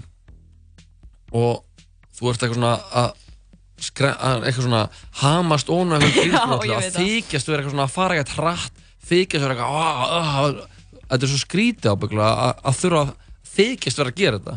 Þetta er svo að þú sæti bara á þessum, manna, þessum skrifstofustól og ég væri bara, heyrðu ok, þú ert að bruna um í þannig fljúandi bílnum hans Harry Potter eða hana, hans fóröldars Ron í Harry Potter 2 og þú er bara að bruna um í hálóftunum og, og hana og þess að bílinn spýr eldi og, nei, ég Einmitt. veit ég af hverju ég gerð þessa En ég held samt að- þetta, hana, þess að það er frekar bara eins og þú voru að þykast vera á, á dregabaki það Bara er núna. erfitt að ímynda sér það Já, það er enda rétt. Ég held ekki að sé örgulega miklu skemmtilega að vera í alvörunni á einhvers konar baki. já, vera Þetta er bara að fljúa grínskrín rollu. En Já. sko, já, mér finnst þetta samt eitthvað funny. En kannski er þetta líka bara eitthvað svona, Þetta er er actor's allt life. sem í gaman nema þetta. já, en það er náttúrulega mikið samt, þú ert að vinna á svona setti það er bara mjög mikið, þú ert mjög mikið að býða Já, og síðan bara, já, býða, býða, býða og síðan, já, hvað er ég að fara að gera? Ég er að fara að setja á grínskrín rollu að þykjast Mhm. Að þykjast vera að á dregabaki, þetta er ekkert eitthvað spennandi og hann sagði bara, hún þætti þetta ömulegt og hann sagði líka að þetta er mjög óþægilegt fyrir karlmann sko. já, og þá að hann ábyggilega við you know what I mean já, Já. ding dong. Úf, við þurfum ekki að fara, fara ekki að ræða það frekar en sko talandi um, um Game of Thrones, Mhm. þá um, er önnur frétt. Það er Danin Nikolai Koster-Valdú sem Já. að leikur Jamie Lannister Jú, jú, okkar allra besti. í seríunni eða seríunum uh, þá um, bara kom frétt að hann hafi verið á Íslandi uh, Hvenær? Varum helgina? já, bara hann hefur verið á Íslandi hann er að stoppa hérna og svo heldur hann áfram til Grænlands Uh, já, pældi því ef þú hefðir bara lappað fram hjá þessum gaur já, ég hefði nú algjörlega tekið í spaðan á honum Já. Te- Tekið í, hana, í ál spaðan á honum en hann fór eitthvað, það heyrst hefur að hann og Baltasar Kormákur hafa farið saman að borða. Nú, mm hvað hva, hva er þetta að fá þessa fréttibirna? þetta er bara inn á Er það bara einhverjum vísi.is. slúðurmiðlum Vestanhafs? þetta er bara, ég er með þetta hérna. Tips.is en, en sko vísi.is sem að tjekka á Balta og tjekka hvort að það væri eitthvað í gangi þarna, eitthvað, hashtag samstarf. Já, hann vill ekki segja neitt. Ok, ok. Þannig að það er aldrei að vita. Þau vil sem gröfin bara. Hmm. en alltaf gaman að fá, fá þetta fólk innan til okkar. Þetta hljómar eins og eitthvað sem uh, rannsóknar uh, rannsóknar teimi síðan að það er eins tala saman þar að fara stúanum við þurfum að ringi þau og, og segja þeim að að kafa, kafa hún í þetta Við þurfum að kafa hún í þetta Við þurfum að fá eitt lag, þetta eru söngkonunar uh, Rihanna og Sissa. Lagið heitir Consideration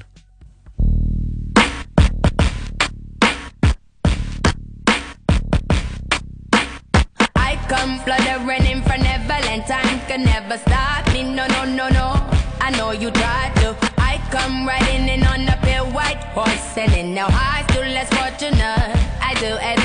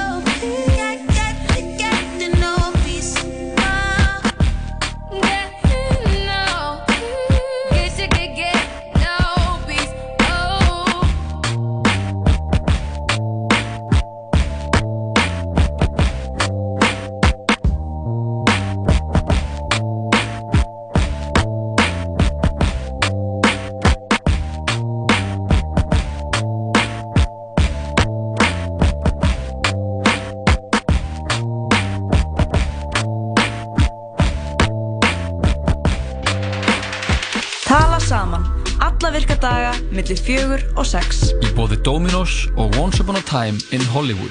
Komin í bíó. Vantar þig smið? Samsmíða, fagmennska og stundvísi. Samsmíða Láttu það eftir þér að líða vel Serrano Fresh, happy, max Þú getur hlusta á alla þættina af Tala Saman á Spotify. Já, við vorum að hlusta á það er uh, Sissu og Ríhönnu Lægið Consideration af blöðunni Anti með Ríhönnu og uh, við ætlum að halda áfram með góðri músík það er komin mánudagur eftir Pride eftir gleðgönguna hins veginn Mhm. dagar eru loknir í, þeim er lokið í byli en þeir eru halda samt áfram í hjörtum okkur allra en við ætlum að taka eitt, eitt lag með uh, konginum sem átti gleðgönguna ár síð, hans síðasta, hans hinsta gleðiganga Mhm. sem hann Páll Óskar var með pás, eða vagn, hvað segir maður? Jú, vagn Já, vagn. á gangunni og síðan auðvitað tróðan upp á, uh, í hljómsvölugarnum við komum aftur til smá með uh, blandtónið, Birna, Ó, já, heldur betur. Þetta er Palli, lagið heitir TF Stuð af blöðunni Stuð frá árinu 1993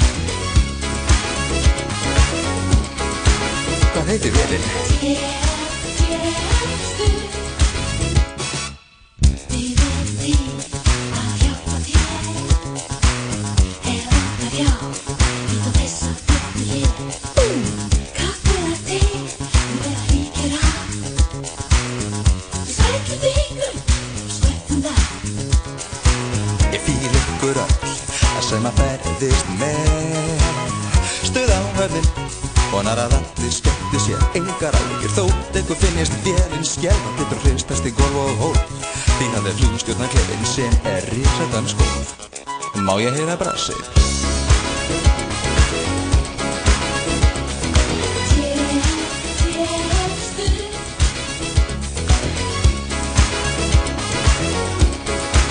Hvað heitir vélinn?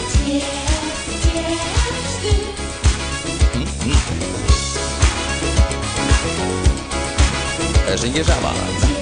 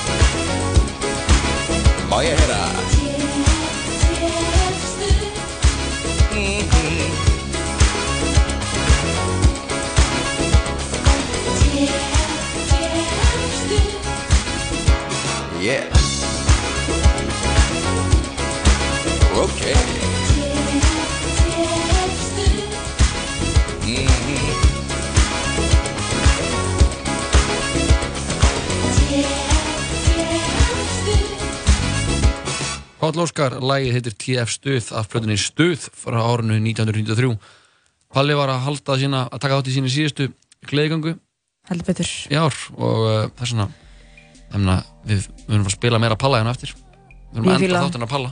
Ég byrjaði daginn á Palla. Og ég ætla að ljúka sem degi líka með Palla. getur ekkert byrjað daginn neitt betur heldur en að negli hitt góðan Palla sko. Einmitt. Ég hlusta á söngur um lífið í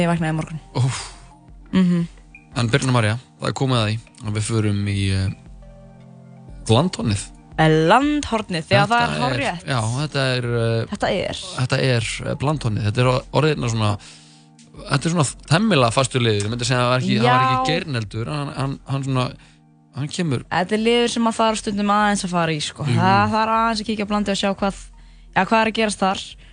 Og sko það er náttúrulega þetta er, þetta er hvað, miðill sem er búin að lifa fyrir eitthvað lengi já, ég myndi segja að þetta var einn af okkar svona sterkustu miðlum. Já, það má segja það. Er það ekki? Jú, það, er allavega, þetta er allavega ennþá það heldur margir að blandi verið dögt en ég get sagt þér það að gælustundi blandi er alls ekki dögt Nei. En um, á þessu miðli þar eru bæði auglýsingar. Mm fólk er að selja eða reyna óskaftir að fá að kaupa einhver hluti. Jú, jú. Um, og svo er líka umræður. Mhm. þannig að það bara á hverju viltu byrja, minn kæri Ég er bara til í einhverja góður umræður. Alright, ég er með um, svolítið finnar umræður hérna sem er í gangi. Mm þetta er bara fyrir eitthvað gamall þráður um, en svo sem tím, tímalaus. Tímalaus. Þetta er sérst um það hver má skamma hvaða börn. Já, að því að nú hefur fólk stundum lendið því að þú veist, þú veist má maður skamma börn ef maður er ekki fóldræðra, skilur mm -hmm. Og, og hvernig þau svara þú veist, Mhm. hver ræður. Er það bara því að þú ert eldri þá ræður eða er það því að þú ert þú veist, tengdur þeim einhvern veginn fóldri eða frænka eða frændi eða eitthvað slags Þetta er mjög mikilvæg umræða. Þetta er mikilvæg umræða og þetta er hérna já, það er bara um, eitt svona nágranni uh, hún, hún kallar sér sjálf nöldurkellingu stundum, ef hún segir, þú veist, er ég bara nöldurkelling? Þetta er alveg já, kona hérna sem að sem að spyr sig bara, hver má skamma hvaða börn? Og segir svo, mega bara fóreldrar skamma sín börn í dag, engin annar. Ég er alveg hægt að skilja þetta, oft eru samankomin börnin úr tveimur húsum inn í garðinum sem að er sameiglaugur, það eru mikið læti og mikið gaman, en þetta fer stundum aðeins úr böndunum og fáir fullunir að skipta sér af. Mhm. og ég hef verið að banna börnunum til að skemma hluti sem þau eiga ekki sjálf og börnin svara mér bara fullum hálsi bara, þú ert ekki að mamma mín, þú ræður ekki yfir mér. Mhm. Punktur, punktur, punktur, punktur, punktur, punktur, punktur, punktur mhm. mér finnst ég ekki hafa hitt svona nei, hafa hitt svona fyrir svona dónaskap áður. Ef fólkarnir eru nálægt þá flissa þér teg það fram að ég nenni ekki að vera sí og æg að fylgjast með að skipta mér af, af, en, af en þegar verið er að skemma hluti sem eru sameilegir þá gríp ég inn í. Já. ef mín börn töluðu svona við fullar fólk þá eru þið þau látin hlýða. Um, þau fengu ekki að komast upp með svona dónaskap. Hvað finnst ykkur, er ég bara nöldur kettling eða hvað? Ok, þetta er kona. Hún er bara að opna sig, skilur Já, hún, hún býr í húsi. Þar er sameiglegu garður. Mhm, Börnin sem búa líka í húsinu fóröldarhúsum eru út í garði og þau eru bara að rústa einhverju dóti sem tilherir þeim eða þeirra fjölskyldu ekki. Já, eða rauninni kannski ykkur sameilu, þú veist, kannski ykkur bekkur eða eitthvað en, en svo bætur við að þetta eru þryggja til sjöra börn. Já það, er, það er mjög ungt. Það er mjög ungt. Mér finnst smá munur á þrygg það, þetta, er aldrei svona þessi, þessi þetta aldurspil er aldrei, aldrei langt. Já, en ég meina- Þriggja til sjö ára. Sjö ára, finnst mér Sjö ára barn sem er bara eitthvað að skemma eitthvað drast Ég lendi einu snýði að ég var að lappa á uh, vitastík og ég sé eitthvað svona plastót og ég er bara svona negli í jörðina og, og byrja bara eitthvað að smassa af því ég var bara lítill bara, ég var bara lítill grallari Mhm. sem vildi bara sjá heiminn brenna Já. og ég tek þetta dót og er að bomba því jörðina og er að brjóta það og fremum gengur uh, Hörður Torfarsson nágrannar minn á þeim tíma og uh, bara mikill hann að Hörður Torfarsson er bara skáld og, og hann að bara mikilvæg maður í íslenski sögu Og hvað segir hann við? hann segir bara hættu þessu hvað ert að gera? Akkur ert að gera þetta? og ég einhvern veginn svona verð bara svona, fer í nett bara svona mót, ég bara, vá, bara hvað þannig að ég einhvern veginn fer bara í kerfi. Af því það bara eitthvað gaur að skamma mig Mhm. en hann bara algjörlega rétt fyrir sér ég, ég, ég var bara eitthvað að pöngast Mhm. ég var bara að skemma eitthvað drasl bara að því bara þannig að þannig var ég skammar að einhverjum sem bara ekki ábyrðað mér en var bara súmanelkjar sem var fullorðinana á svæðinu og var bara með heilu viti og sagði mér bara bara tjekkaði mig bara Já. mér veist algjörlega Og fannst það í lagi bara? já, þetta var bara mikilvægt fyrir mig Þú varst ekkert með mig á- kraft. nei, bara átti mig á því bara já, ok, ég get ekki bara gert hvað sem er af því að það er ekki bara fóröldar mínu sem mun að hafa skoðuna heldur líka bara allir aðrir Þetta er nefnilega sko, það er aðlega kannski bara hvernig sko viðmót er hjá börnunum. að Því núna segir hún að henni finnst sko svo dónlegt að þau eru að, að þú veist, segja bara þú ræður að gefa mér, þú veist ekki mamma mín, Einmitt, eitthvað svona. einmitt. Sem er ofta rauk sem maður er eitthvað svona, "Ugh, mann er ekki að fá frá börnum, skilur Ef þú veist að skamma eitthvað barn það er kemur þetta. ég bara, nei, en En þetta er samt ekki, veist, ég bara, ég, en, sér, en ef ég væri það þá verður ég djúpum skít.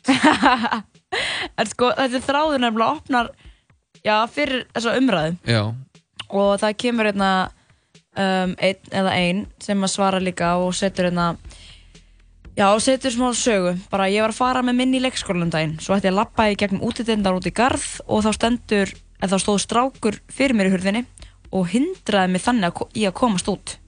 Ég sagði þér að komast út hvort, og hvort hann geti fært sig. Hann bara, nei og með einhverja stæla. Og mamman við hliðan á honum fór eitthvað að flissa og gerði ekki neitt. Það fór í mig.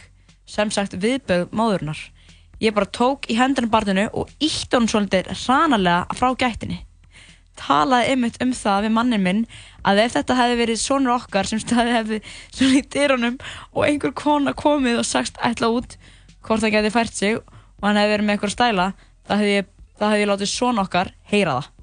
Einmitt. Sorry, en ítt honum hranalega frá gættinni? Já, menn hann Okkur- stendur bara fyrir. Já, nákvæmlega talar þetta ekki þá við mömmuna, þetta er svona ógeðslega af því að mikil hún var bara flissandi. Hún stóð bara hliðan, hliðan á hann og var bara eitthvað að flissa Já, það er íta leikskólakrakka. Nei, hún var bara með, hún var fyrir var, var, stóð hann ekki fyrir framann hurðina? Og var hún ekki að opna hurðina? Nei, en hún var henni komin þegar Hún var henni að komast út. Já, já, og hann stendur bara fyrir. Jú, það er kannski allir íkt að fara að íta einhverjum leikskólakrakka. Tók bara í hendina á barninu og ítt hann svolítið hranalega frá gættinni. Ég veit ekki með þetta. Blandhornið er bara going brazy Já, hann ég í meina, dag. fólk kemur framvinda nafnlaust og þá lætur fólk allt flakka Ángríns, er við ekki hægt þurfum fleiri nafnlösa miðla. sko. Við þurfum fleiri nafnlösa miðla og það sem er bara hægt að koma með einhverja sögur. Við, ekki hægt að vera að koma með aðtöðasemdir eða svona eitthvað svona drullæfi fólk nafnlösa sögur. Við þurfum stærri miðil, Birna Marja Mhm. fyrir nafnlösa sögur í þessu samfélagi. Það er, það er enda rétt sko. Ég fór líka á blandið og uh, það sem ég greip á mitt var uh, það var þetta að fá gefins svona degu unga Já, spennandi. Þetta er í hveragerði. Dego ungar, hvað Skemmtilegir degu ungar gefins. Þau eru um tvekja mánuða gömul, mjög fjörug, geta narta í mann en hafa ekki enn Þrjástál, þrjástelpur og eitt strákur. Nei, á Selfossi, þetta er ekki á, uh, í hveragerði.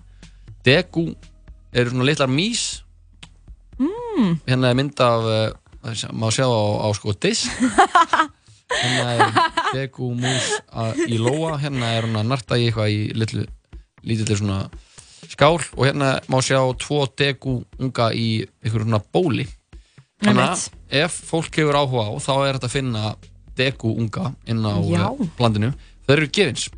Næsta sem ég sá var, var eh, 30 metra garðslanga sem má, er, má fá gefins inn á blandinu þetta er í 201 kóbói það rennur út 18. oktober uh, 2019 klukkan 12 mínútur í 1 í hátíðinum þannig Já. að ef fólk er eitthvað efinst og hefur ennþá smá tíma en uh, ekki býð of lengi því þessi garðslanga geti farið á hverju stundum 30 metrar lang garðslanga, það er mjög langt Það er mjög langt. Það er bara er hálf Hallgrímskirkja. sko. Já. Er hún 60 metrar? hún er 60 metrar blessaður. fleira sem ég fann gefins hérna uh, ég held fyrst að þetta væri gefins en þetta er þjónustata sem ég verið að veita hérna. Miklu sveppur, miklu gró róði í húð, ofnami, ozone þannig að það er bara að vera að bjóða upp á uh, að þú ert með ef það er mikla heima hjá þér. Ég var sko að vona að það væri Gefin smigla. já, fólk var að koma heim til þín og setja mi miklu í vekkina hérna.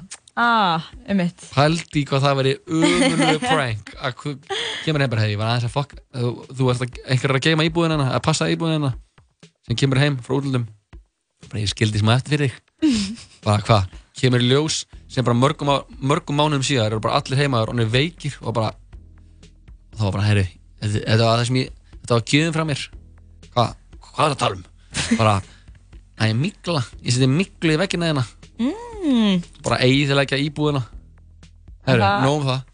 Nógu mikluna, sko. Hérna er eitt sem er óska eftir að uh, leiguhúsnæði Ég óska eftir að fá tilbóð í leiguhúsnæði annarkort á Spáni eða USA Ég hef áhuga að búa eftir farandi stöðum á Spáni Mallorca, Costa del Sol, Gran Canaria eða Tenerife Já. og eftirtöld- eftirtöldum stöðum í USA Miami, San Diego eða Hawaii Þessi vil vera í sólinni, sko. Já, Og hitanum. Ég er fyrst og fremst að leita eftir því að geta búið á einhverjum að þessum stöðum eins lengi og hægt er því það er vetur á Íslandi til dæmis frá byrjun oktober til mæ og ég get einnig jáfnframt hugsa mér að flytja til einhverja af þessum stöðum alfarið, allt árið Þetta hljóma nú ekkert illa að ætla bara að flytja þangað. Ég óska einnig eftir meðleganda það er bara svo fyndið þetta er svo fyndið að, að, að, Emna, fólk bara þarf að, þetta er bara eina leiðun sem fólk getur leita til það er bara, það er bara blandið Það er eitt sem að ég rakst á einna líka sem ég finnst mjög sniðið. Já, Það er eitthvað svona uh, skraut fyrir nýjára ammali. Bara gefin silfurskraut fyrir nýjára ammali, bara gasblara, fána, lengja. Gasbladra, Já, svona, svona því gasblara, svona, bara ein bladra já, svona nýju bladra. Já, nýju, já, eða Og- sex ef þú hefur hann auðvitað já. En hvað er eitthvað sniðið þetta því að þú væri hans bara að hendi þessu, skilur. Já, og sko gasið uh, heliumið sem er inn í blöðrunni Er skemmtilegt. já, ekki bara skemmtilegt, heldur er það uh, á skorrum skamt í heiminum núna það er bara ekki mikið Nú. til af helium í heiminum Í alvörinni? Já. Shit. þannig að maður þarf að passa upp á þessar blöður sko. Ef að næsta kynslu fær ekki að kynnast heliumblörum. ég get aldrei talað með svona skrækri Já. síðasta sem við erum með í blandhóttunni í dag er uh, til sölu klassísku titrari frá Aphrodisia Þetta er þessi klassíski bara. tækja6.is það er bara, mér finnst bara mjög fyndið að selja kynlífsleikfeng sérstaklega eitthvað sem fer inn í sko, inn í endaþar með leikfeng á blandinu Já, en þetta var alltaf notað. Nei, það er bara lítið þannig út Já, já, já, það er bara, já. þú ert að kaupa eitthvað á blandinu þá er það eitthvað sem einhver hefur notað að vera eitthvað að þrátt fyrir að hann sé ábyggilega ekki notaður þessi þá eh, er hann En það er eitthvað óþægilegt við þetta. það er eitthvað smá óþ- óþægilegt við að vera að kaupa notuð kynlífsleikfeng og það er þetta pantan hérna inn á tækja6.is sem, sendur hérna þú þið líka fengið hann hér og sótandi mín minna vesen smá smá svona wink wink hana honk. mín ég menn hérna kemur bara nærið hjá mér. Sem kemur ekkert 6.is. ekkert dýra bara. Er hvað er ég ætla að kaupa hérna titrar. Hvað er hann? Bara leitið að þið munu finna. Nei byrjina nú er bland honunum lokið. Það er búin að pakka þáttur í okkur í dag. Við e, fengum hljómsveitina Hipsum Haps til okkar. Og e, þau sögum frá nýjasta læginu sínu Honni og að þeir hefur verið að klára plötu. Ég hlakka til að fá að heyra þessa plötu. Hvernig sem hún kemur út. September sögðu þeir. En við slum ekki fara að rita það neitt í stein strax. Nei, við hringdum svo í uh, Hólfríði Magnúsdóttur sem að um, ja, lifti stórum byggar um helgina þegar hún var byggarmestari í mjölkurbyggarnum með Selfossi, já, Selfoss. Já, með Selfoss, fyrsti e, titillin þeirra Já. í kvennaboltanum komin í hús. Og þær eru bara að berjast fyrir þriðasætinu núna í Pepsi Max-deildinni. Já, við bara sendum kvæðið í suður. Og uh, svo fórum við í blandtónið, ég sagði fréttir af uh, Amazon og, og uh, í- ímyndarherferð sem þeir eru í gangi núna já, hjá starfsfólkinu. Já, svo fórum við í Wave vikunar er vikunar, það var mjög mikilvægt að símalöfsir viðburðir. Já, ég ætla að prófa eitt svona eitthvað tímann, bráðum. Já, allavega ég get mætt einn og vera ekki með síma. Já. Það er mikilvægt sko að geta verið ánans. Maður vil ekki vera þræll skjásins. Og uh, við hlustum Pál Óskar og ætlum að enda þáttinn í dag á einu að þetta er mitt uppáhaldslag með Pál Óskari. Nú? Já, ég ætla bara að segja það og skrifa hér í þrábeinni úr sítið að uh, ég ætla að enda hann þátt á uppáhaldslaginu mínum með Pál Óskari. Já. og gleðigangan var í fyrirdag síðasta gleðigangan hans Palla. Og í tilbæðan því spilum við þetta lag. Þetta er lagið Sjáumst aftur og við sjáumst aftur eða heyrumst á morgun. Mhm. ég og Lóa Björk verðum hérna millir 4 og 6 á morgun. L- Birna, þú verður fyrir góða gamni. Já, miður. Því miður en, ég ringi eh, kannski bara í ykkur. Já, við heyrum mér Við. Sjáumst aftur